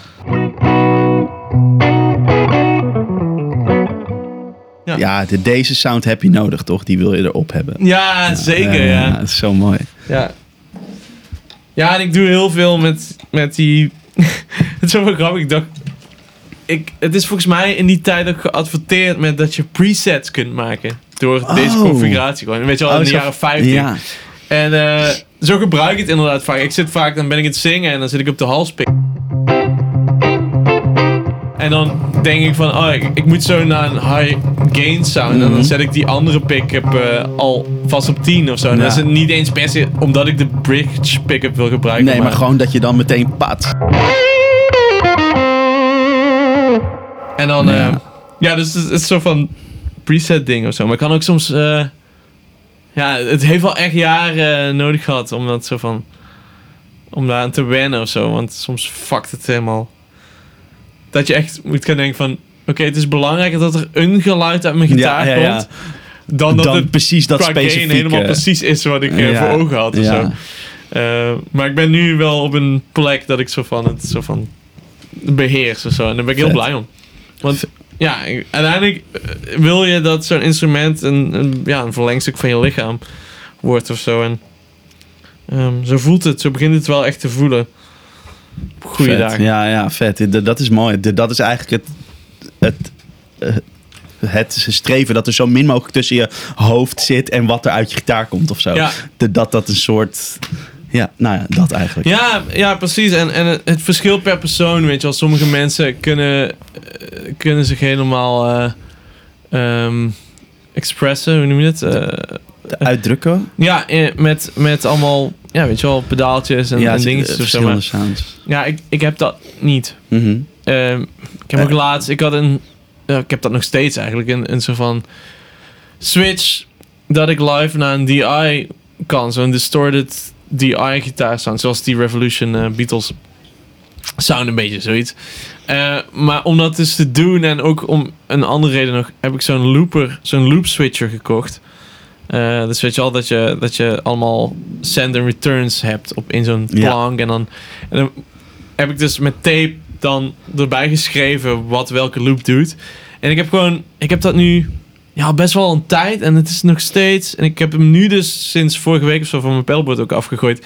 Dat kijken naar mijn pedalboard en dan moeten lezen. Ja, Wat- waar moet ik op drukken? Waar moet ik op drukken? Ja, dat is gewoon te. Ja, maar wat je, je bent ook nog even aan het zingen en je bent aan het spelen. En- ja, precies. Het moet, gewoon, het moet gewoon intuïtief eh, gaan. Zo, ja man. dat werkt voor mij. Vet. Eh, eh, die, die, die Bixby die, die je hierop hebt zitten, heb je Ja. die er zelf opgezet? Of zat die er origineel? Oh nee, je hebt ook volgens mij zo'n Vibrometer op. Of niet? Ja, nee, die heb ik zelf Ah, ja, voor Dus hij zal wel niet origineel... Ja, precies. Nee, deze gitaar is best wel grappig. Ik had. ehm, ik zag. Begin van corona. Zat ik, ik zit heel vaak Reverb en Marktplaats en eBay. Same. En eh, ja, Ja, dat, is doe je gewoon. Ja, toch, ja. precies. En eh, ik zag een Les Paul Custom uit 72 voor ja, echt heel weinig geld. De helft van waar ze normaal Ja, verdienen. ja. En ik zo die advertentie kijken en nog een keer kijken. En dacht ik, hè? Hoe, hoe kan dit? Ziet Dit niemand deze niet. gitaar Ja, of zo? ja. Maar hij zag er heel lelijk uit. Hij had, hij had eh, twee open pick-ups, dus van die Ah. zwarte humbuckers. Van die zwarte knoppen en er zat geen Bixby op. Het zag er gewoon een beetje, ja, het was gewoon een beetje een lelijk eentje wel. Zeker naast super mooie andere Ja. customs die ook op reverb staan. Maar ik zag deze gitaar en ik dacht, wow, jij kunt echt zo mooi zijn met een heel klein beetje De liefde, ja. En toen, eh wow. Wow. That's Zijn the we net op tijd naar binnen gegaan. Yeah. En toen, eh, ja, toen heb ik, er, heb ik hem gekocht en, en er een Bixby opgezet. Ja. En, Oh, die heb je dus gekocht toen, ja. oh ja, en de halspikker was kapot. Dat was een ding. Oh, ja. die, die deed niet meer, dus die heb ik laten rewinden. maar, maar, maar- maar heb je die uit de US eh, eh, geïmporteerd? Of was hij gewoon hier ergens in Europa? Nou, dit is denk ik een van de redenen dat niemand hem kocht. Volgens mij is reverb vooral een, toch wel heel erg een Amerikaans ding Ja. of zo. En deze stond dus... Want ik zat dus te denken, ik wil deze gitaar, maar ja, er komen wel nog importkosten en shit bij. Oh. Dus ik weet niet helemaal zeker. En toen zag ik dus dat hij in Duitsland stond. Oh, en ja. toen, eh, toen was de, de knoop heel snel doorgehakt. Ja, let's go. Oh, nice. En ik ben er heel blij mee. Het is echt een eh, coole gitaar. Vet. Ja, en het is, het is gewoon... Dit, mijn eerste gitaar was een Squire Telecaster, maar al snel... ehm, ja, ik wilde een Gibson. En toen de eerste echt gitaar die ik echt graag wilde... eh, was eh, een Epiphone eh, Les Paul Custom. Oh ja, gewoon deze, maar dan de Deze, maar dan, Epiphone. maar dan van Epiphone. ja, ja, ja. En ja, dat is wel altijd een ding gebleven. Dat Jimmy Page in de Royal Ar- Albert Hall. Ja, die, die had dan voor een paar nummers die, die zwarte custom. Ja, met die vet, drie pickers. jongen, oh, ja. het is zo vet. En die Ja. Bixby. ja. Oh ja, hij had ook met de Bixby, ja. Ja. ja. Dat is natuurlijk een een gestolen gitaar. ook, ja. Echt? Huh? Oh, die, oh, die die is van hem gejat of zo? Of wat? Ja, best wel kort daarna. En eh, ze hebben die ook nooit gevonden. Maar er is wel een keer een eh, custom shop eh, reissue van die Ja. gitaar gekomen. Maar dat is dan op basis van hoe hij zich herinnerde Ja, dat die doordat hij was. Wel, Wat ook, ja, crazy. Zo, zo, zo- zo- zo heb je ook, ook dat verhaal van die Les Paul van Peter Frampton. Ken je dat verhaal? Ja! De- dat is een crazy. Zie dat ze waren neergestort met een vliegtuig of zo. Was Ja, dat nou? 1980. Ja, en dat, dat ding was helemaal verbrand. En nou ja, door, weet, weet ik veel, ze waren ergens neergestort in Zuid-Amerika of zo. Ja. Venezuela, weet ik veel. Ja, echt gewoon, eh, ik las dat het echt in de jungle was. Ja, dat ja, dat vliegtuig ja. gewoon echt in de jungle is neergestort en gewoon alles wat erin zat is opgegeven. Ja, dat was gewoon zo van, oké, ja, alle, alles is toch kapot, dus laat maar. En toen heeft Ja. blijkbaar iemand die gitaar gevonden. En, en die is toen heel lang, weet ik veel, heeft iemand anders hem gehad of zo. En toen uiteindelijk heeft hij hem weer Ja, terug. 30 jaar. eh, Crazy verhaal. Ja, ik las dat toen. Ja. Toen eh, was, was volgens mij in het nieuws of zo. Was het Ja, ja, ja. En Dat is ook wel echt heel de- bijzonder. de- Er was ook zo'n filmpje eh, op, op, op, op, op de YouTube waar hij daarover vertelt of zo. Ik weet niet meer precies wat dat was, maar Oh ja. ja, dat is wel, wel grappig. Oh, de nu is het echt aan het regenen. Mooi, joh, ik ben echt Zo, blij dat we naar hard. binnen. Ja, Het inderdaad. eerste deel van deze podcast was eh, buiten. Ja, inderdaad. Lekker hier Heerlijk in het zonnetje. En nu hebben we fucking Jurassic Park. Jurassic Park. weer te pakken. Ja. nice. Ja, oké. ehm, dan is het misschien leuk, de- de- de- er waren nog een paar luisteraarsvragen. Oh, echt? Ja. Leuk. Dus eh, dan pak ik even mijn, mijn telefoon erbij. En dan ga ik Ja. eens even kijken wat de mensen ook weer willen weten van jou. Oh ja, eh, even kijken. Eh, de, deze was via de, de Instagrams van M. Brankaart. Ik weet niet precies wie dat is, maar dat, dat is een username. Wat is Pablo's eh, approach om door akkoord changes te spelen? Denk je caged of drie klanken, pentatonisch? Oh, oh Dat is, en eh, zo. Om echt, oh, ja, ik dacht echt dat ik gewoon- bedoelde soleren over, over akkoordenschema's. Zo van exotisch. Ja, maar, maar dat, dat, dat is denk ik ook, ook, ook zo. de vraag. Zo, zo van, Nou- hoe, hoe doe je dat in je hoofd of zo? Gebruik je dus caged of ehm, wat zegt die? nou, als ik, een, als ik een akkoordenschema zie en ik moet dat spelen, dan... ehm, wat ik dan doe is... Ja, ik, ik- dat cage ding, dat heb ik inderdaad geleerd op, op het eh, conservatorium. Ja. Eh, Heel veel eh, gestudeerd. Ja, En dat gebruik ik volop. Ja. Ik, wil, ik wil, ook met mijn eigen nummers, ik wil gewoon elk akkoord in dat nummer sowieso weten wat er gebeurt. Ook als ik het akkoord niet speel. ja, ja. Maar ja, het ook inderdaad. overal kunnen spelen of zo. Ja, we waarden ook op de hals of zo. Ja, weet Ja. je wel, dat C hier Ja. allemaal Ja. zit. Ja, Ehm, Dat soort dingen. En, maar met soleren, ja, vind ik wel lastig hoor. Ik heb, ben eigenlijk nu op een punt eh, dat ik gewoon BB King-stijl eh, gewoon wil, zeggen van... eh, solo, ja, dan blijf maar hangen op het akkoord. Want ik speel echt... Ja. Ik, ik kom het beste tot mijn recht. En ik voel me het fijnst bij als gewoon het schema gewoon in één toonsoort blijft. Want als het daaruit gaat, dan ja, is het gewoon niet mijn, niet zo mijn wereld of zo. Weet je wel, ik, ik, ik heb nooit naar jazz geluisterd. Niet dat dan per se meteen jazz is of zo, maar ik, eh, ja, ik vind dat wel moeilijk of zo. En ik wil, ik wil iets in die noten stoppen. En als ik te veel moet nadenken over.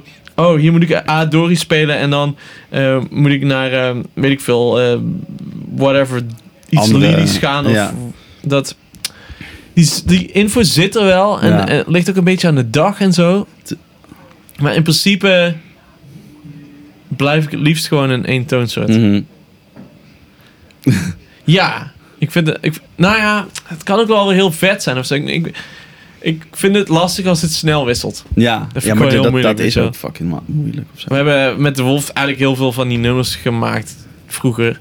Dan, eh, dan, dan wilden we een soort van de, de, de hele spanning van een nummer zoeken in de, in de akkoorden changes of zo. Ja, ja, ja. Dus dan hadden we schema's als G majeur, E majeur, C majeur en S majeur. Als in dat Ja, klinkt niet heel spannend, maar als je daar overheen moet spelen, wordt het best wel ingewikkeld. Want dan- ja. Want dan moet je dus van G majeur Ja.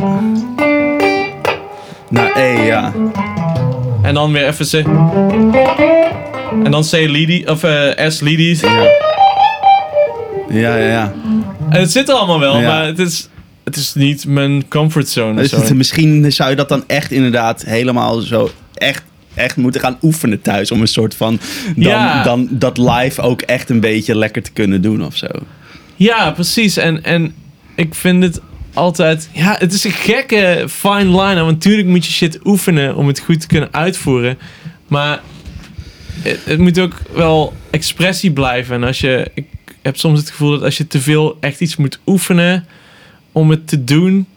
Dat het een beetje van je afraakt of zo. Ja, ja de, da- de, dan, dan wordt het te, te veel hoofd in plaats van hart of zo. Ja, want ik, ik heb ook laatst dan in, in, in, in lockdown natuurlijk... was ik ook gewoon een van de mensen die dacht... eh, Oké, nu moet ik gitaar gaan oefenen. Ja, ja, Maar gewoon gewoon shedden ja, ja. Conservatoriumstaal. Ja, ja. Het ging van die films kijken van eh, Robin Ford. ja. En eh, dan gaat hij uitleggen dat je dan... Dat je... eh, als je bijvoorbeeld dan een G zit en dan een, een S of een D's vermindert... Mhm. Dat je dan... Ja. Ja, en dan weer terug. En ik heb dat dan echt heel vaak geoefend. En dan speelden we live en dan wilde ik het toepassen. Ja, En dan lukt dat me gewoon niet. Omdat, Ja, ja, ja, maar ook dat je dat dan oh, zo van... Oh ja, nu ga ik die, die Mhm. sikke lick spelen. Dat is eigenlijk heel erg... ja, dat voelt niet goed. Ik, ik probeer ook, en ik, ik doe dat. eh, ik probeer ook eigenlijk live nooit licks te spelen. Nee. Als ik een lick ga spelen, dan weet je, oké, hij is hij weet het niet meer. Zo. Dat- is een soort automatische piloot of zo, ja. Ja, of weet je wel, soms als je. Ik heb wel soms als je zo van toebouwt naar een soort van hoogtepunt.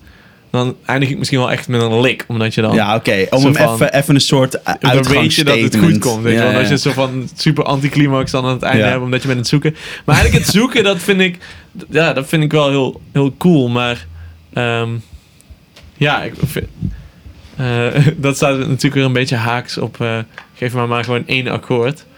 Nee, ik vind het gewoon lekker om, om in, een, in een om in een solo gewoon echt mezelf te kunnen uitdrukken of zo. Het gaat ook veel beter eh, in, eh, in, eh, in gewoon in rustige liedjes eigenlijk. Zo. Ja, precies. Want dan heb je gewoon meer tijd of zo. Ja, Of- dan heb ik gewoon een rust en dan kan ik zo van, dan kan ik echt iets in die noten leggen wat ik echt op dat Ja. moment wil spelen. Als het heel hard en snel gaat, dan wordt het toch Ja. al snel van, oké, dan moet je wel ja, dan lekker moet je wel een spelen. soort... want- Ja. ja, weet je wel, anders, eh, ja, wat, ja. ja, klopt, ja. Het is allemaal, het, is, al- het zit vol tegenstrijdigheden, maar eh, dat is ook wel leuk eraan, natuurlijk. Ja, hoe heet dat? Dat heb ik zelf ook altijd. En misschien heb je dat iets minder, omdat je natuurlijk. Maar, maar ik, ik speel vaak, als ik dan speel, dan speel ik vaak voor andere mensen, weet je wel. En, en, en heel veel mensen hebben een soort idee bij de gitaar als een soort instrument dat doet. Ze zeg maar maar hard en scheuren en hoog en zo. Maar ik zou het liefste gewoon spelen, inderdaad, wat je zegt, een soort van. Eh, juist wat langzamer en, en wat meer feeling erin kunnen leggen of zo. En, Ja. Maar dus mensen vragen altijd van... Oh ja, dan moet jij hier een solo doen op dat ene Oh ja, epische... eh, weet je wel, eh, eh, nou ja, dat er alles helemaal losgaat of zo. Terwijl ik dan Ja. denk van, ja, maar ik zou liever in dat andere nummer over dat hele easy eh, akkoordenschema een solo Ja. spelen. En ik, ja, dat, ik heb dat precies hetzelfde. ja. Dus Wat heel raar is, want ik denk als mensen mij kennen, dan, dan denken ze toch vooral aan zo van heavy, heavy shit Zo. en zo. En dat, en dat speel ik ook graag hoor. Ja, maar het is zo van, tuurlijk, ja, weet je wel, je hebt allemaal van die... eh, eh, oh, allemaal van die, yeah. van die, ja echt licks licks of zo. Mhm. die, dat zijn gewoon de dingen die, eh, die er zo van ingebakken zitten. Zo Ja. van, noem dat, spiergeheugen of zo. Ja, ja, ja. Maar het mooiste is inderdaad als je gewoon de tijd kunt nemen. Gewoon echt naar mooie dingen kunt zoeken, weet je wel.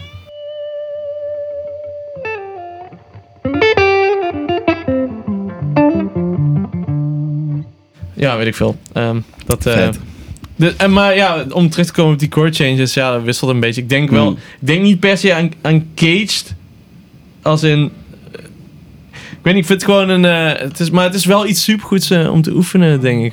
Dus dat is denk ik ook iets dat je gewoon op, op een gegeven moment... Dan weet je dat en dan is dat niet meer bewust of zo.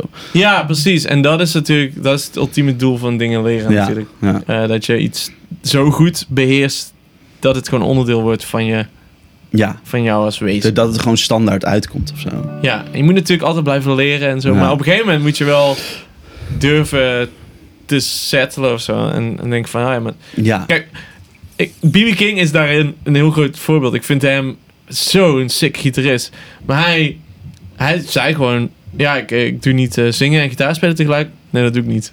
Dat, hij zei niet eens volgens mij, dat kan ik niet. Hij zei Nee. gewoon, nee, dat doe ik niet. Dat doe ik niet. En ergens kun je dan... Ja, dat is ook... Niet iedereen kan dat maken natuurlijk of zo. Maar ik vind dat ergens wel... Kijk, als, want als hij de hele, zijn hele leven zou blijven proberen om al die dingen die hij nog mist in zijn, in zijn grote boek van gitaarkunsten. Als hij zijn hele leven bezig was geweest met dat allemaal aanvullen. Ja, dan op een gegeven moment is zijn, is zijn, zijn unieke karakter. Ja, dat kan dan ook een beetje verdwijnen. Ja, ja.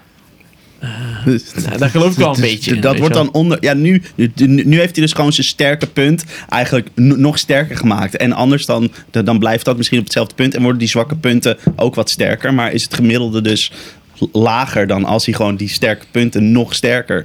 Ja, Dan is dat gemiddelde hoger. Je zo. kunt maar één ding echt goed doen. Ja, Of zo. ja. Bij wijze van spreken. Ja, en het dat- kunnen dat wel meer dingen weer zijn. nuance Maar natuurlijk, je ja. kunt niet alles, weet je wel. Je, je moet mij ook niet vragen om, om jazz te spelen. Of, Ja. of, of snoeiharde Eh, metal eh, of zo. eh, Dat is gewoon niet... Maar waarschijnlijk als je daar nu- echt een paar jaar heel hard voor zou oefenen, dan zou je dat ook wel goed kunnen. Maar misschien is het dan, dan meer waard om nu wat je nu doet nog hoger te tillen of zo. Ja, Misschien is dat.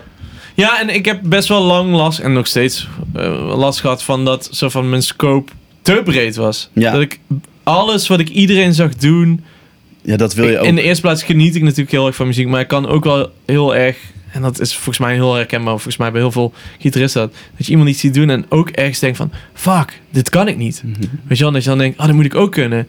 En als je dat te veel... Weet je wel, het is niet gek dat we allemaal meerdere gitaarhelden hebben. Weet je wel, voor mij is dat eh, Jimmy Page, Paul Kossoff Mhm. en eh Eric Clapton bijvoorbeeld. Ja, ja. En het zijn er meer, maar laten we die drie even nemen. Ja. Zij kicken, ja, zij, zij zijn niet voor niks drie personen. Ja. Zij deden alle drie iets supergoed. Ja, ja.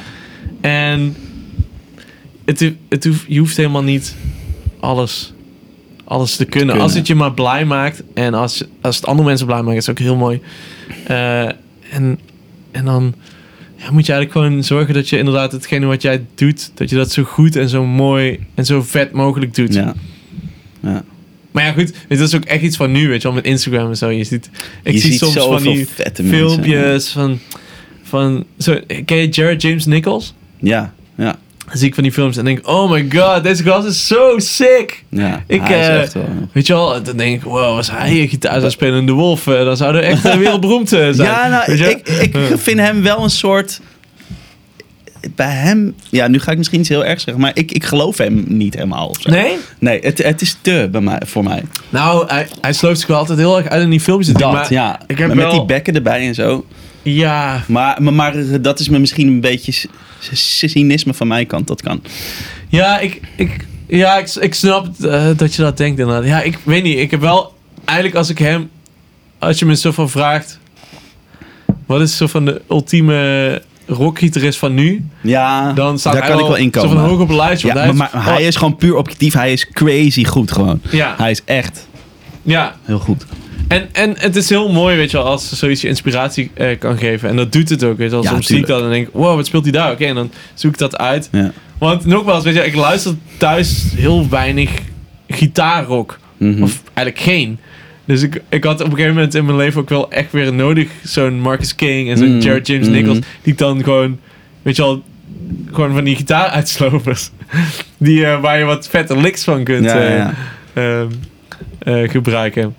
Als in gitaaruitslovers, dat klinkt heel negatief. Maar ik bedoel gewoon echt van die, van die gitaaracrobaten. Dat had ik er even nodig. Ehm, als je het je laat inspireren, dan is het heel mooi. Dus wat is dan... Wat is de... oh, Oké, de, dus, de, de, de- dus Jared James Nichols zie ik een beetje als, als een Joe Bonamassa. Maar, maar Ja. dan dat 20 jaar jonger. Ja, weet je wel, ja. Wat, wat, maar, maar wat, wat eh, komt het... eh, nee, hoe, hoe, hoe, hoe komt het dat je hem wel fit, vet vindt en Joe Bonamassa dan niet, bijvoorbeeld? Nou, ik moet eerlijk zeggen, Joe Bonamassa vind ik ook heel vet. Ja, Op een bepaalde manier. ja. Ik, eh, ik volg hem ook op Instagram. Ja. En dan zie ik die filmpjes en dan heb ik precies hetzelfde met hem. Ik, Ja, oké, ja. Jezus man, jezus, gast Ja. is goed, weet je wel. En ergens opereren we een soort van in hetzelfde wereldje. En Ja. dan- dat kan mij heel erg het idee geven van, ik moet dat ook kunnen. Ik moet, Mhm, ja. maar, en dit is eigenlijk het punt. Als je dat te veel denkt, ja, dan word je op een gegeven moment zoals die gasten. En, en waar Ja. is jouw eigen stempel? ja, ja, dat is Dus- inderdaad, ja. Dus eh, dat bedoel ik ook. Dus in, in, even weer uitzoomen van. Het is, je moet altijd ja, blijven leren en, en jezelf willen blijven verbeteren. Maar je Mm. moet ook snappen dat wat je doet, als, als het je blij maakt en het andere mensen blij maakt, dat is ook iets waard. En misschien wel, dat is misschien wel meer waard dan Mm. dat je dan dat je ook net zo goed bent als Mm. persoon X of persoon Mhm. Y of zo. Ja. Want ja, wat is goed? Weet je wel, dingen die voor Ja, de ene goed is- zijn, is voor de ander eh, onluisterbaar. Ja, ja. ja. Oké, Dat. de volgende luisteraarsvraag. Oh. Die is, die is van- ja, weet je nog dat we daar waren? we zijn Oh nu ja, weer, damn. weer, weer, tien minuten op een soort tangent gegaan. Oké, dit is dus van een Thijs van, van, van Zonsbeek. Eh, even kijken, hoe was het om alle de Wolf g- g- gitaarpartijen uit het hoofd te leren voor eh, eh, de, die Octagon shows? Oh, ja, ja, die shows. Ja, nee, Of de Nonagon show. Ja, negen waren het. ja, De- wat dus, ik, ja, sorry. ja wat, ik, wat ik doe dan is, ik heb gewoon die nummers... Ik heb een heel goed geheugen voor eigen nummers. Ja, Zeg maar, als ik iemand anders nummer moet spelen, kan ik gewoon niet onthouden. Het is heel dom, klinkt heel egocentrisch of whatever. zo, maar met eigen nummers, ja, die vergeet ik niet. Dus het was echt een beetje opfrissen zo. Het, was, eh, het waren 101 nummers of iets, of 102. En het was gewoon allemaal luisteren. En sommige die zaten er gewoon nog helemaal in. En Mm. sommige waren iets verder weggezonken. Maar ik ga die nummers niet nooit voor nooit uitzoeken. Want ik heb nee, van... je oh, gaat ze ook spelen als de Pablo van nu of zo. Ja, inderdaad. En, en ja, ik doe dat sowieso nooit. Weet je, ik speel nooit. Ik speel nooit, zeg maar, deze hokjes of Nee, zo. nee, deze, nee. deze snaren die frets of zo. Het is gewoon, oh, dit nummer is C. Ja. En daar Dit zit een zijn de riff. akkoorden, die riff ja. moet ik wel, maar die Ja. onthoud ik wel. Die moet ik wel zo van nailen of zo. Maar die sp- weet ik, kan ik ook anders spelen of whatever. Ja. En dit zijn de akkoorden. En met die akkoorden doe ik wat ik wil op dat moment. ja.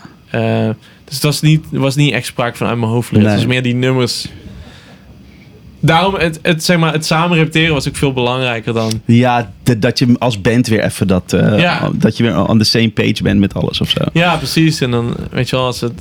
Ja, ik, ik heb ook gewoon twee geweldige bandleden waar ik ook gewoon op kan vertrouwen of zo. Dus ik, ik heb ook de vrijheid om, weet je, te doen wat ik wil. Ja, ja, weet je, tussendoor Ja, te fietsen. Dat is wel lekker, ja. Ja. Ja, want eh, in het verlengde daarvan... Oh ja, oh ja daar had ik nog zelf een vraag. In, in hoeverre denk je dus dat je zelf als... ehm, als... eh, ja, de, dus, hoe, denk je dat je in al die jaren de Wolf bent gegroeid als, als zanger, maar als songwriter, als gitarist? Oh. Heb, heb je daar een soort idee bij of zo? oh, ja, ik weet wel dat ik ben gegroeid.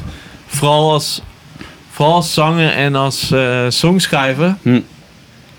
Ik snap nu veel meer ook wat ik zelf nice vind in songs of zo. Hm. Ik had toch best wel lang eh, dat ding dat je te ingezoomd kunt zijn. En dat, je, weet je, dat ik me uren kon amuseren met 10 seconden muziek. eh, waarin dan 10 akkoordwisselingen zaten of zo. Ja, en, ja, ja. en als ik dan. Dan kon ik niet uitzoomen, want ik was te gehecht aan dat wat ik had gemaakt. Eh, en nu kan ik veel meer denken van, wow, maar wat ik zelf luister, dat wil ik maken. Mhm. De muziek die ik thuis luister, zo, zoiets. Ehm, en eh, dus in zekere zin, eh, zo van simplicity is er meer ingekomen eigenlijk. Eh, ik denk dat het veel interessanter is om, om zo van iets te spelen waarin je zo van headroom hebt. Dus ik vind het, het is veel interessanter om een eh, hele goede band, zo van hele makkelijke, tussen aanhalingstekens, Ja, muziek te ja. horen spelen dan een middelmatige band proberen Ja, heel technisch iets- ja, ja Eh, check. Dat. eh, dat inzicht heb ik eh, gekregen. En ja, ik ben als zanger gewoon... eh, ik, op een gegeven moment heb ik Leon Russell ontdekt. En toen dacht ik... Oh, zoiets kan ik ook met mijn stem. Want ik wist nooit... Ik ging gewoon in mijn praatstem zingen. Oh. Die deed ook heel vaak niet in het begin. Weet je wel, dan was het echt zo... ah, was mijn stem helemaal weg Oh, wat- shit. Ja, oh. En ehm, op een gegeven moment hoorde ik Leon Russell. Het heeft me super erg geïnspireerd. qua zang. En, en nog later heb ik ook weer gewoon helemaal plezier in zingen eh, teruggevonden. En, en eh, die angst om mijn stem te verliezen of zo, ben ik beetje kwijtgeraakt. Oh, ja. En toen werd het echt een groot feest eigenlijk. Vet. Toen was het gewoon eh, allemaal leuk. Ja. En, ehm, en qua gitaarspel, ja, ja, weet ik niet. Ik heb nog steeds, als ik van het podium stap, soms dat ik denk van, ah, ah, daar moet ik de volgende keer echt op letten of zo. Dus nog, ja, ik blijf altijd. Dat zal niet veranderen, denk ik. Nee, nee. Dat, dat klopt inderdaad. Dus ik heb, me, ik heb me ontwikkeld. En ik denk als ik, Ja. als ik mezelf nu naast mijn eh 18, 19 of 20 jaar zelf zet, dan denk ik, wow, dat verschil is echt super groot. ja. Maar ik ervaar. Het is niet dat ik, dat ik nu denk van, oh man, ik ben echt een fucking rockster. en ik neel alles. Ja, maar, maar dat is het. dus Dat is altijd. hè. Als je inderdaad jou, jou, jou van nu en, en jou van tien jaar geleden naast elkaar zou kunnen zetten, dan zou je heel duidelijk verschil zien. Maar omdat je zelf al die kleine stapjes van groei hebt meegemaakt, heb Ja. je eigenlijk helemaal niet door dat, dat, er, de, dat die groei is.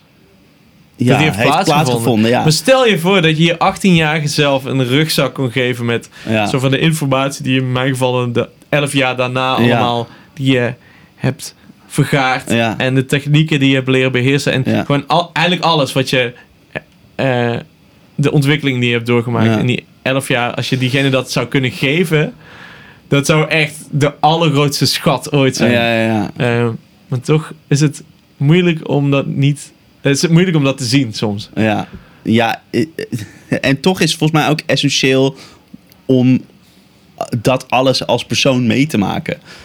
Ja. Weet je wel? Du- Dus, dus als iemand je dat zo zou geven, dan zou je daar misschien niet zoveel mee kunnen of zo. Nee, dat is ook waar, Ja. inderdaad. Je hebt, Dat is zo grappig. je hebt die trial and error shit ja, nodig. Ja, zeker. En, en zelf dingen, de dingen uitzoeken en zo. Of, oh, sorry. De dingen, de dingen ergens achterkomen en zo. Dat is. Ja. Ja. Ja, en, je, en, je, en ja, ik probeer af en toe uit te zoomen wel. En Ja. alsof het groter... Maar ik ben op een gegeven moment ook achtergekomen... Of op een gegeven moment ben ik veel meer eh, ook voor het publiek gaan spelen... Hmm. dan voor mijn eigen... Nou ja, eh, niet in plaats van, maar ik bedoel meer... Ik kon best wel in het verleden echt bezig zijn met... Ah, fuck, deze solo is echt eh kut. Ja, en me ja. daardoor uit het veld laten staan. Ja, ja. En op een gegeven moment ben ik veel meer voor mensen, voor de mensen gaan spelen. En dat heeft me zo'n hernieuwde energie gegeven. Tot het punt dat eigenlijk de laatste, ja, laatste, ja, echt twee of drie vier jaar of zo al, dat ik gewoon, eh, dat alle shows zo'n groot feest zijn. ja en lekker. dat het ook helemaal niet meer zo, te- dat ik gewoon, kijk, nu is het zo lang geleden dat we weer voor Mhm. normaal publiek hebben gespeeld Mhm. van staande uit een dak gaande mensen. Ja, ja, ja. Maar ik weet wel nog, ik meen me wel te herinneren dat toen dat wel nog kon, dat ik soms dan echt dacht van, wow, ik ben gewoon zo goed als ik ben. En dat is, dat is super nice. Ja. Als in, weet je wel, even niet bezig zijn met, oh, wa- wat wil ik nog allemaal, waar schiet ik tekort, maar gewoon zo van, oké, ik ben Pablo, ik speel zo en ik kan deze mensen fucking blij maken met wat ik doe. Dat Ja. is het allermooiste wat er is. Dat is het ultieme eigenlijk, inderdaad. En dan zijn er echt, ja, er zijn echt shows geweest dat ik echt zo bijna kon huilen van geluk. Ja, omdat het zo fucking Dat is zo vet, man. mooi was. En, en ja, dat, dat, is, dat is eigenlijk het ultieme doel zo. Ja. Ja, ja, zeker. Vet man. De- Dat is echt tof dat je, dat je daar dan, de dan heen groeit. Dat, dat je die dingen achter je kunt laten en voor, die mensen kunt spelen. En dan, ja, ik weet niet, het is echt mooi. Ja, Dat, het, dat je ze gewoon zo, zo doet. Zo ook, eh, de, eh, weet, dat is eigenlijk een soort ego dat dan aan de kant gaat. Of ja. Je doet het niet voor je, om een stijver te krijgen van je eigen Nee, spel. Of zo. Je nee. doet het eh, om... Nee, zo van wij maken deze muziek en, en die, die mensen vinden dat heel vet. Ja, of kunnen het heel vet. Dat is ook soms. Ja. Soms sta je voor mensen waarvan je denkt van... Ja, ik, ik moet deze mensen overtuigen. Ja, ja, ja. Of ze zijn zo van 70% mee, maar ik wil ze 100% ja, mee. Oh, En dan vet. wordt dat het doel. Wat, wat in ieder geval voelt als een groter doel dan... Ja. eh, weet je al, alle... Het dan, perfect dan die ene lik dat die niet goed ging en dat je daar dan je hele gig van baalt of zo. Ja, en het gekke is dus, als, je, als dat zo van je mindset wordt, dan gaat dat anderen ook veel beter. Ik speel echt veel beter als ik zo van, als die, die connectie, die band met het publiek er is. Want dan, dan hoef ik niet de hele tijd te, te, te, te zoeken. Dan kan ik ook gewoon soms landen en zeggen van, ah ja, dit Yes. is het. weet Ja, wel. ja, Eat this. ja. ja, ja. En ehm, dat is super fijn. Vet. Dat is ook wel een beetje wat rock'n'roll is of zo. Ja, man. Oké. Dan ha- hadden we nog eh, eentje. En dat is eigenlijk niet echt een, een vraag. Eh, even kijken. Jelmer Haringsma. Haringsma, ja. Die, die zegt, "G- geniale gitarist. Is een mega Dank je. benieuwd naar zijn manier van reverb gebruik.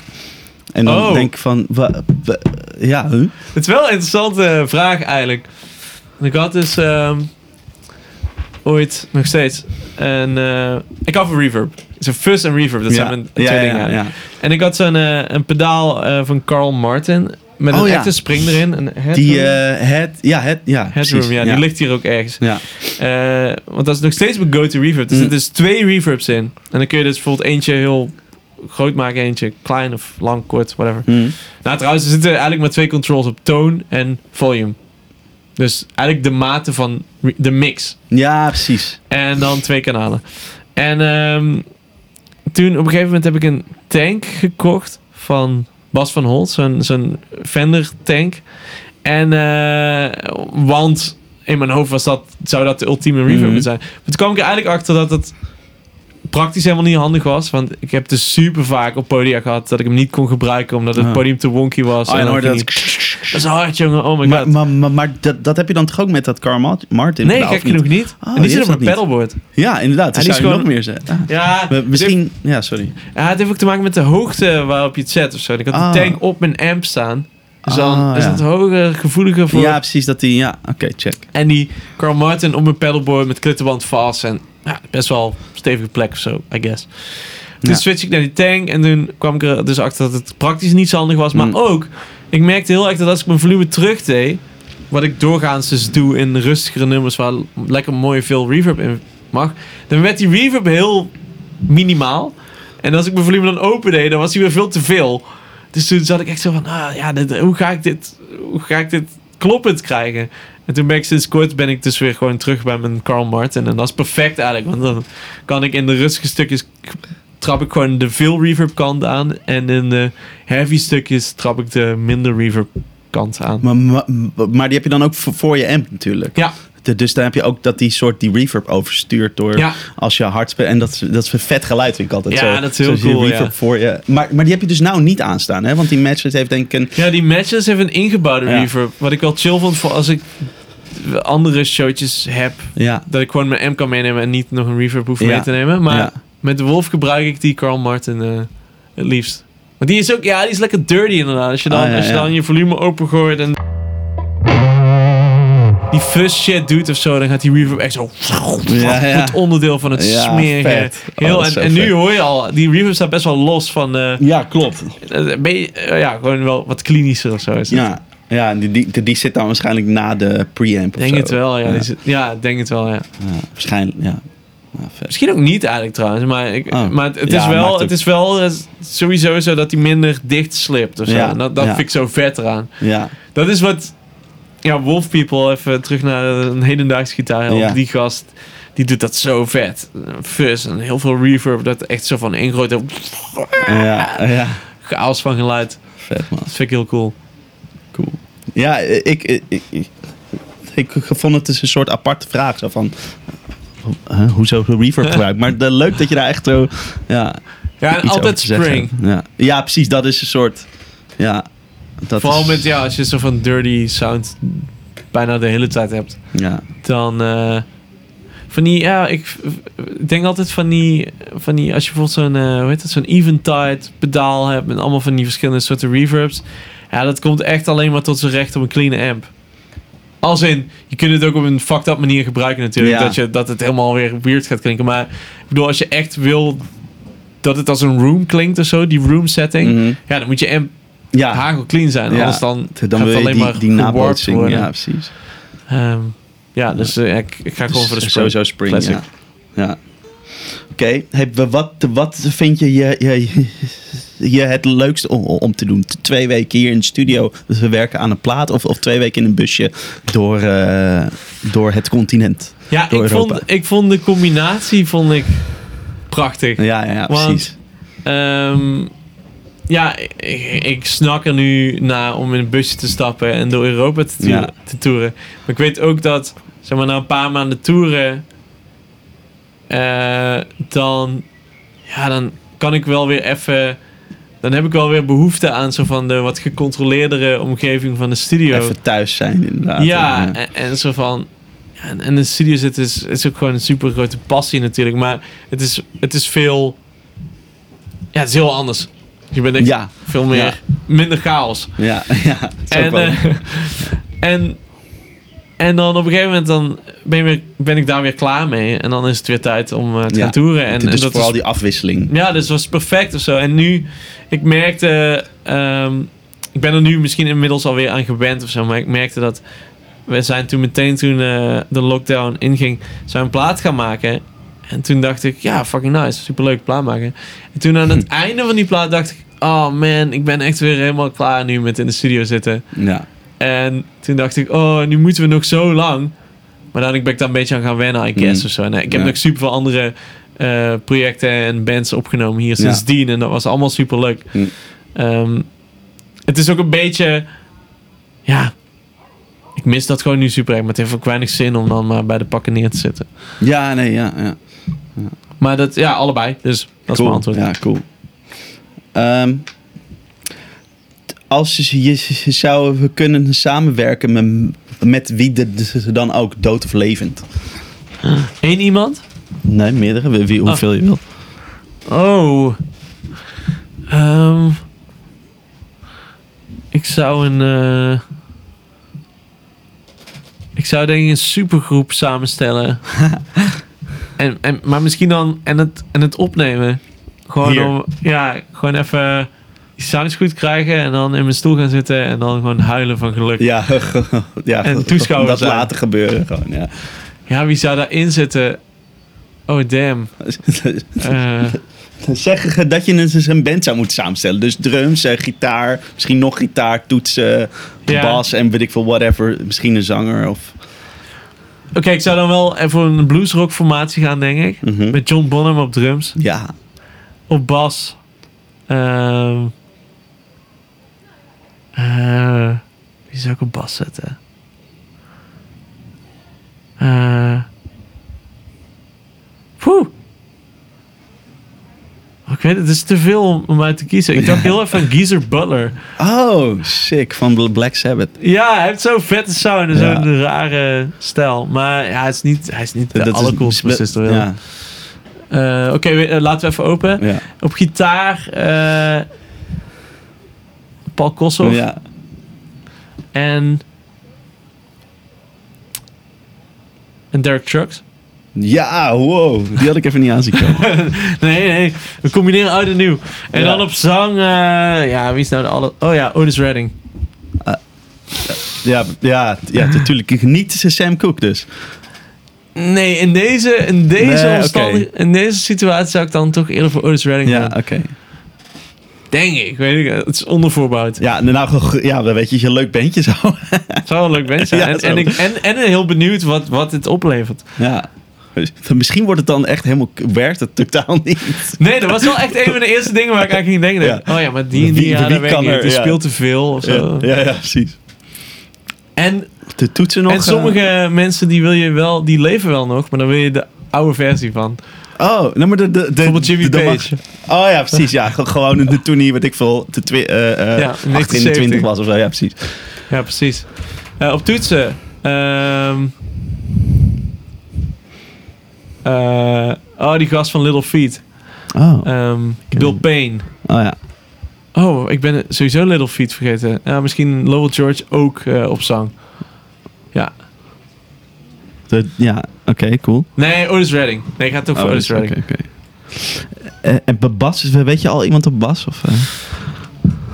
Levi Vis. Ja, ik dacht serieus ook aan hem. Fucking Ja, Levi. Vis. Ja, oké, maar... eh, maar, maar de- dan, de, dan, de, dan speel je dus niet zelf mee. Nee.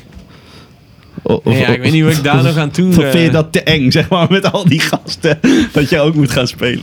Ja, dat zou ik namelijk wel. hebben, ik zou niks. Ja. Ja, een beetje wel. En, eh, en ik, ik, ik vind ook... Ja, het moet opgenomen worden en het Ja, moet wel dat fatsoenlijk klinken. En that's where I come in. Oké, ja, nee, fair enough, fair enough. Ja, dat is een goede job. Voordat ze naar een of andere veel te grote, veel te dure studio Ja. eh, gaan en het klinkt als een jaren negentig. eh. Oh, dat zou Ja, dat jammer zijn dat het dan zo wordt opgenomen. Ja, maar dat gebeurt dus vaak, weet je wel. Als, als dan van die helden die wel nog leven nog een plaat eh, opnemen. Nou, daar, en trouwens niet altijd. Je hebt ook zo'n plaat, die vind ik zo vet, van Alison Krauss en Robert Plant. Ja. Fucking Robert Plant. En, en die plaat klinkt geweldig. T-Bone Burnett, Ja. ja. Oké, vet. Eh, wat zijn die, de Desert Island discs en dan drie? Dus weet je wat het, weet je wat het zijn, zeg maar? Als je, ja, als je die op je een om- meeneemt naar een onbewoond Ja, exact. Ja. En dat je daar dus voor de rest van je leven naar moet luisteren. De drie maar, hè. Dat is echt eh, weinig. Ja, het probleem ook altijd van deze vraag vind ik dat... ik, kijk, ik ga niet zeggen de plaat van Marcus King. Want die bestaat nog niet lang genoeg. Nee, de- daar, daar ben je dan nu misschien helemaal lijp van. Maar als of ik een plaat zeg als Led Zeppelin 2... Ja, die heb ik zo vaak Ja, gehoord. Ik, de die- kans is klein dat ik die echt daadwerkelijk ga opzetten. Ja, op dat die, die, die kun je ook gewoon in je hoofd afspelen, weet je Ja, precies. Dus, ehm wow, dat vind ik een heel moeilijke vraag. Eh, ik denk Harlan County van Jim Ford. Oké. Vind ik een heel vette plaat, luister ik heel graag naar. Ehm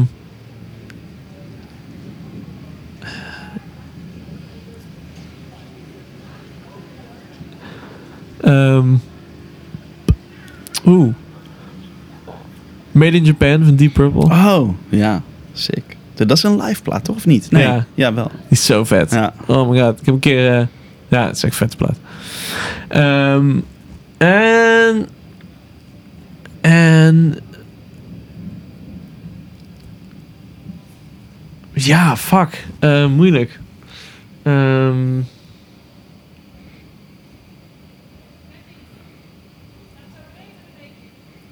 ik doe ook echt... Ik benader ook echt veel te veel. Alsof ik echt naar een onbewoond eiland word ja, oké. dus je hoeft niet echt naar dat omhoog. Oh, Oh, oké. zeg dat dan. Oh, dan. Ja. Ehm, ja, ik weet het niet, man. Eh, denk, eh, oké, Eric Clapton met John Mayall en de Bluesbreakers. Oké. Ja. Tof. Mooi. Een leuke collectie. Oké. Ja. ehm, even kijken. dan wil ik nog heel even nog wat over Gear. Hebben we natuurlijk al heel veel over gehad. Eh, maar dan gaan we het nog heel even hebben over Gear. En dan, eh, Ja, cool. dan gaan we naar Anthem. Hey, de, dus hoe, hoe zou je deze Les Paul... eh, of, of hoe anders is die dan die Lemon Burst, zeg maar? Wat is... zijn ze anders? En... Nou, ik heb deze nog niet zo lang, die 72er. Hm. Eh, hij is een beetje... Een beetje killer. Wel. Oh ja. Eh, ik bedoel niet killer, maar ik bedoel killer. een beetje kill. Ja, Ten opzichte eh, van die? Ja, die, die andere, andere is wat warmer. Ja, Ja.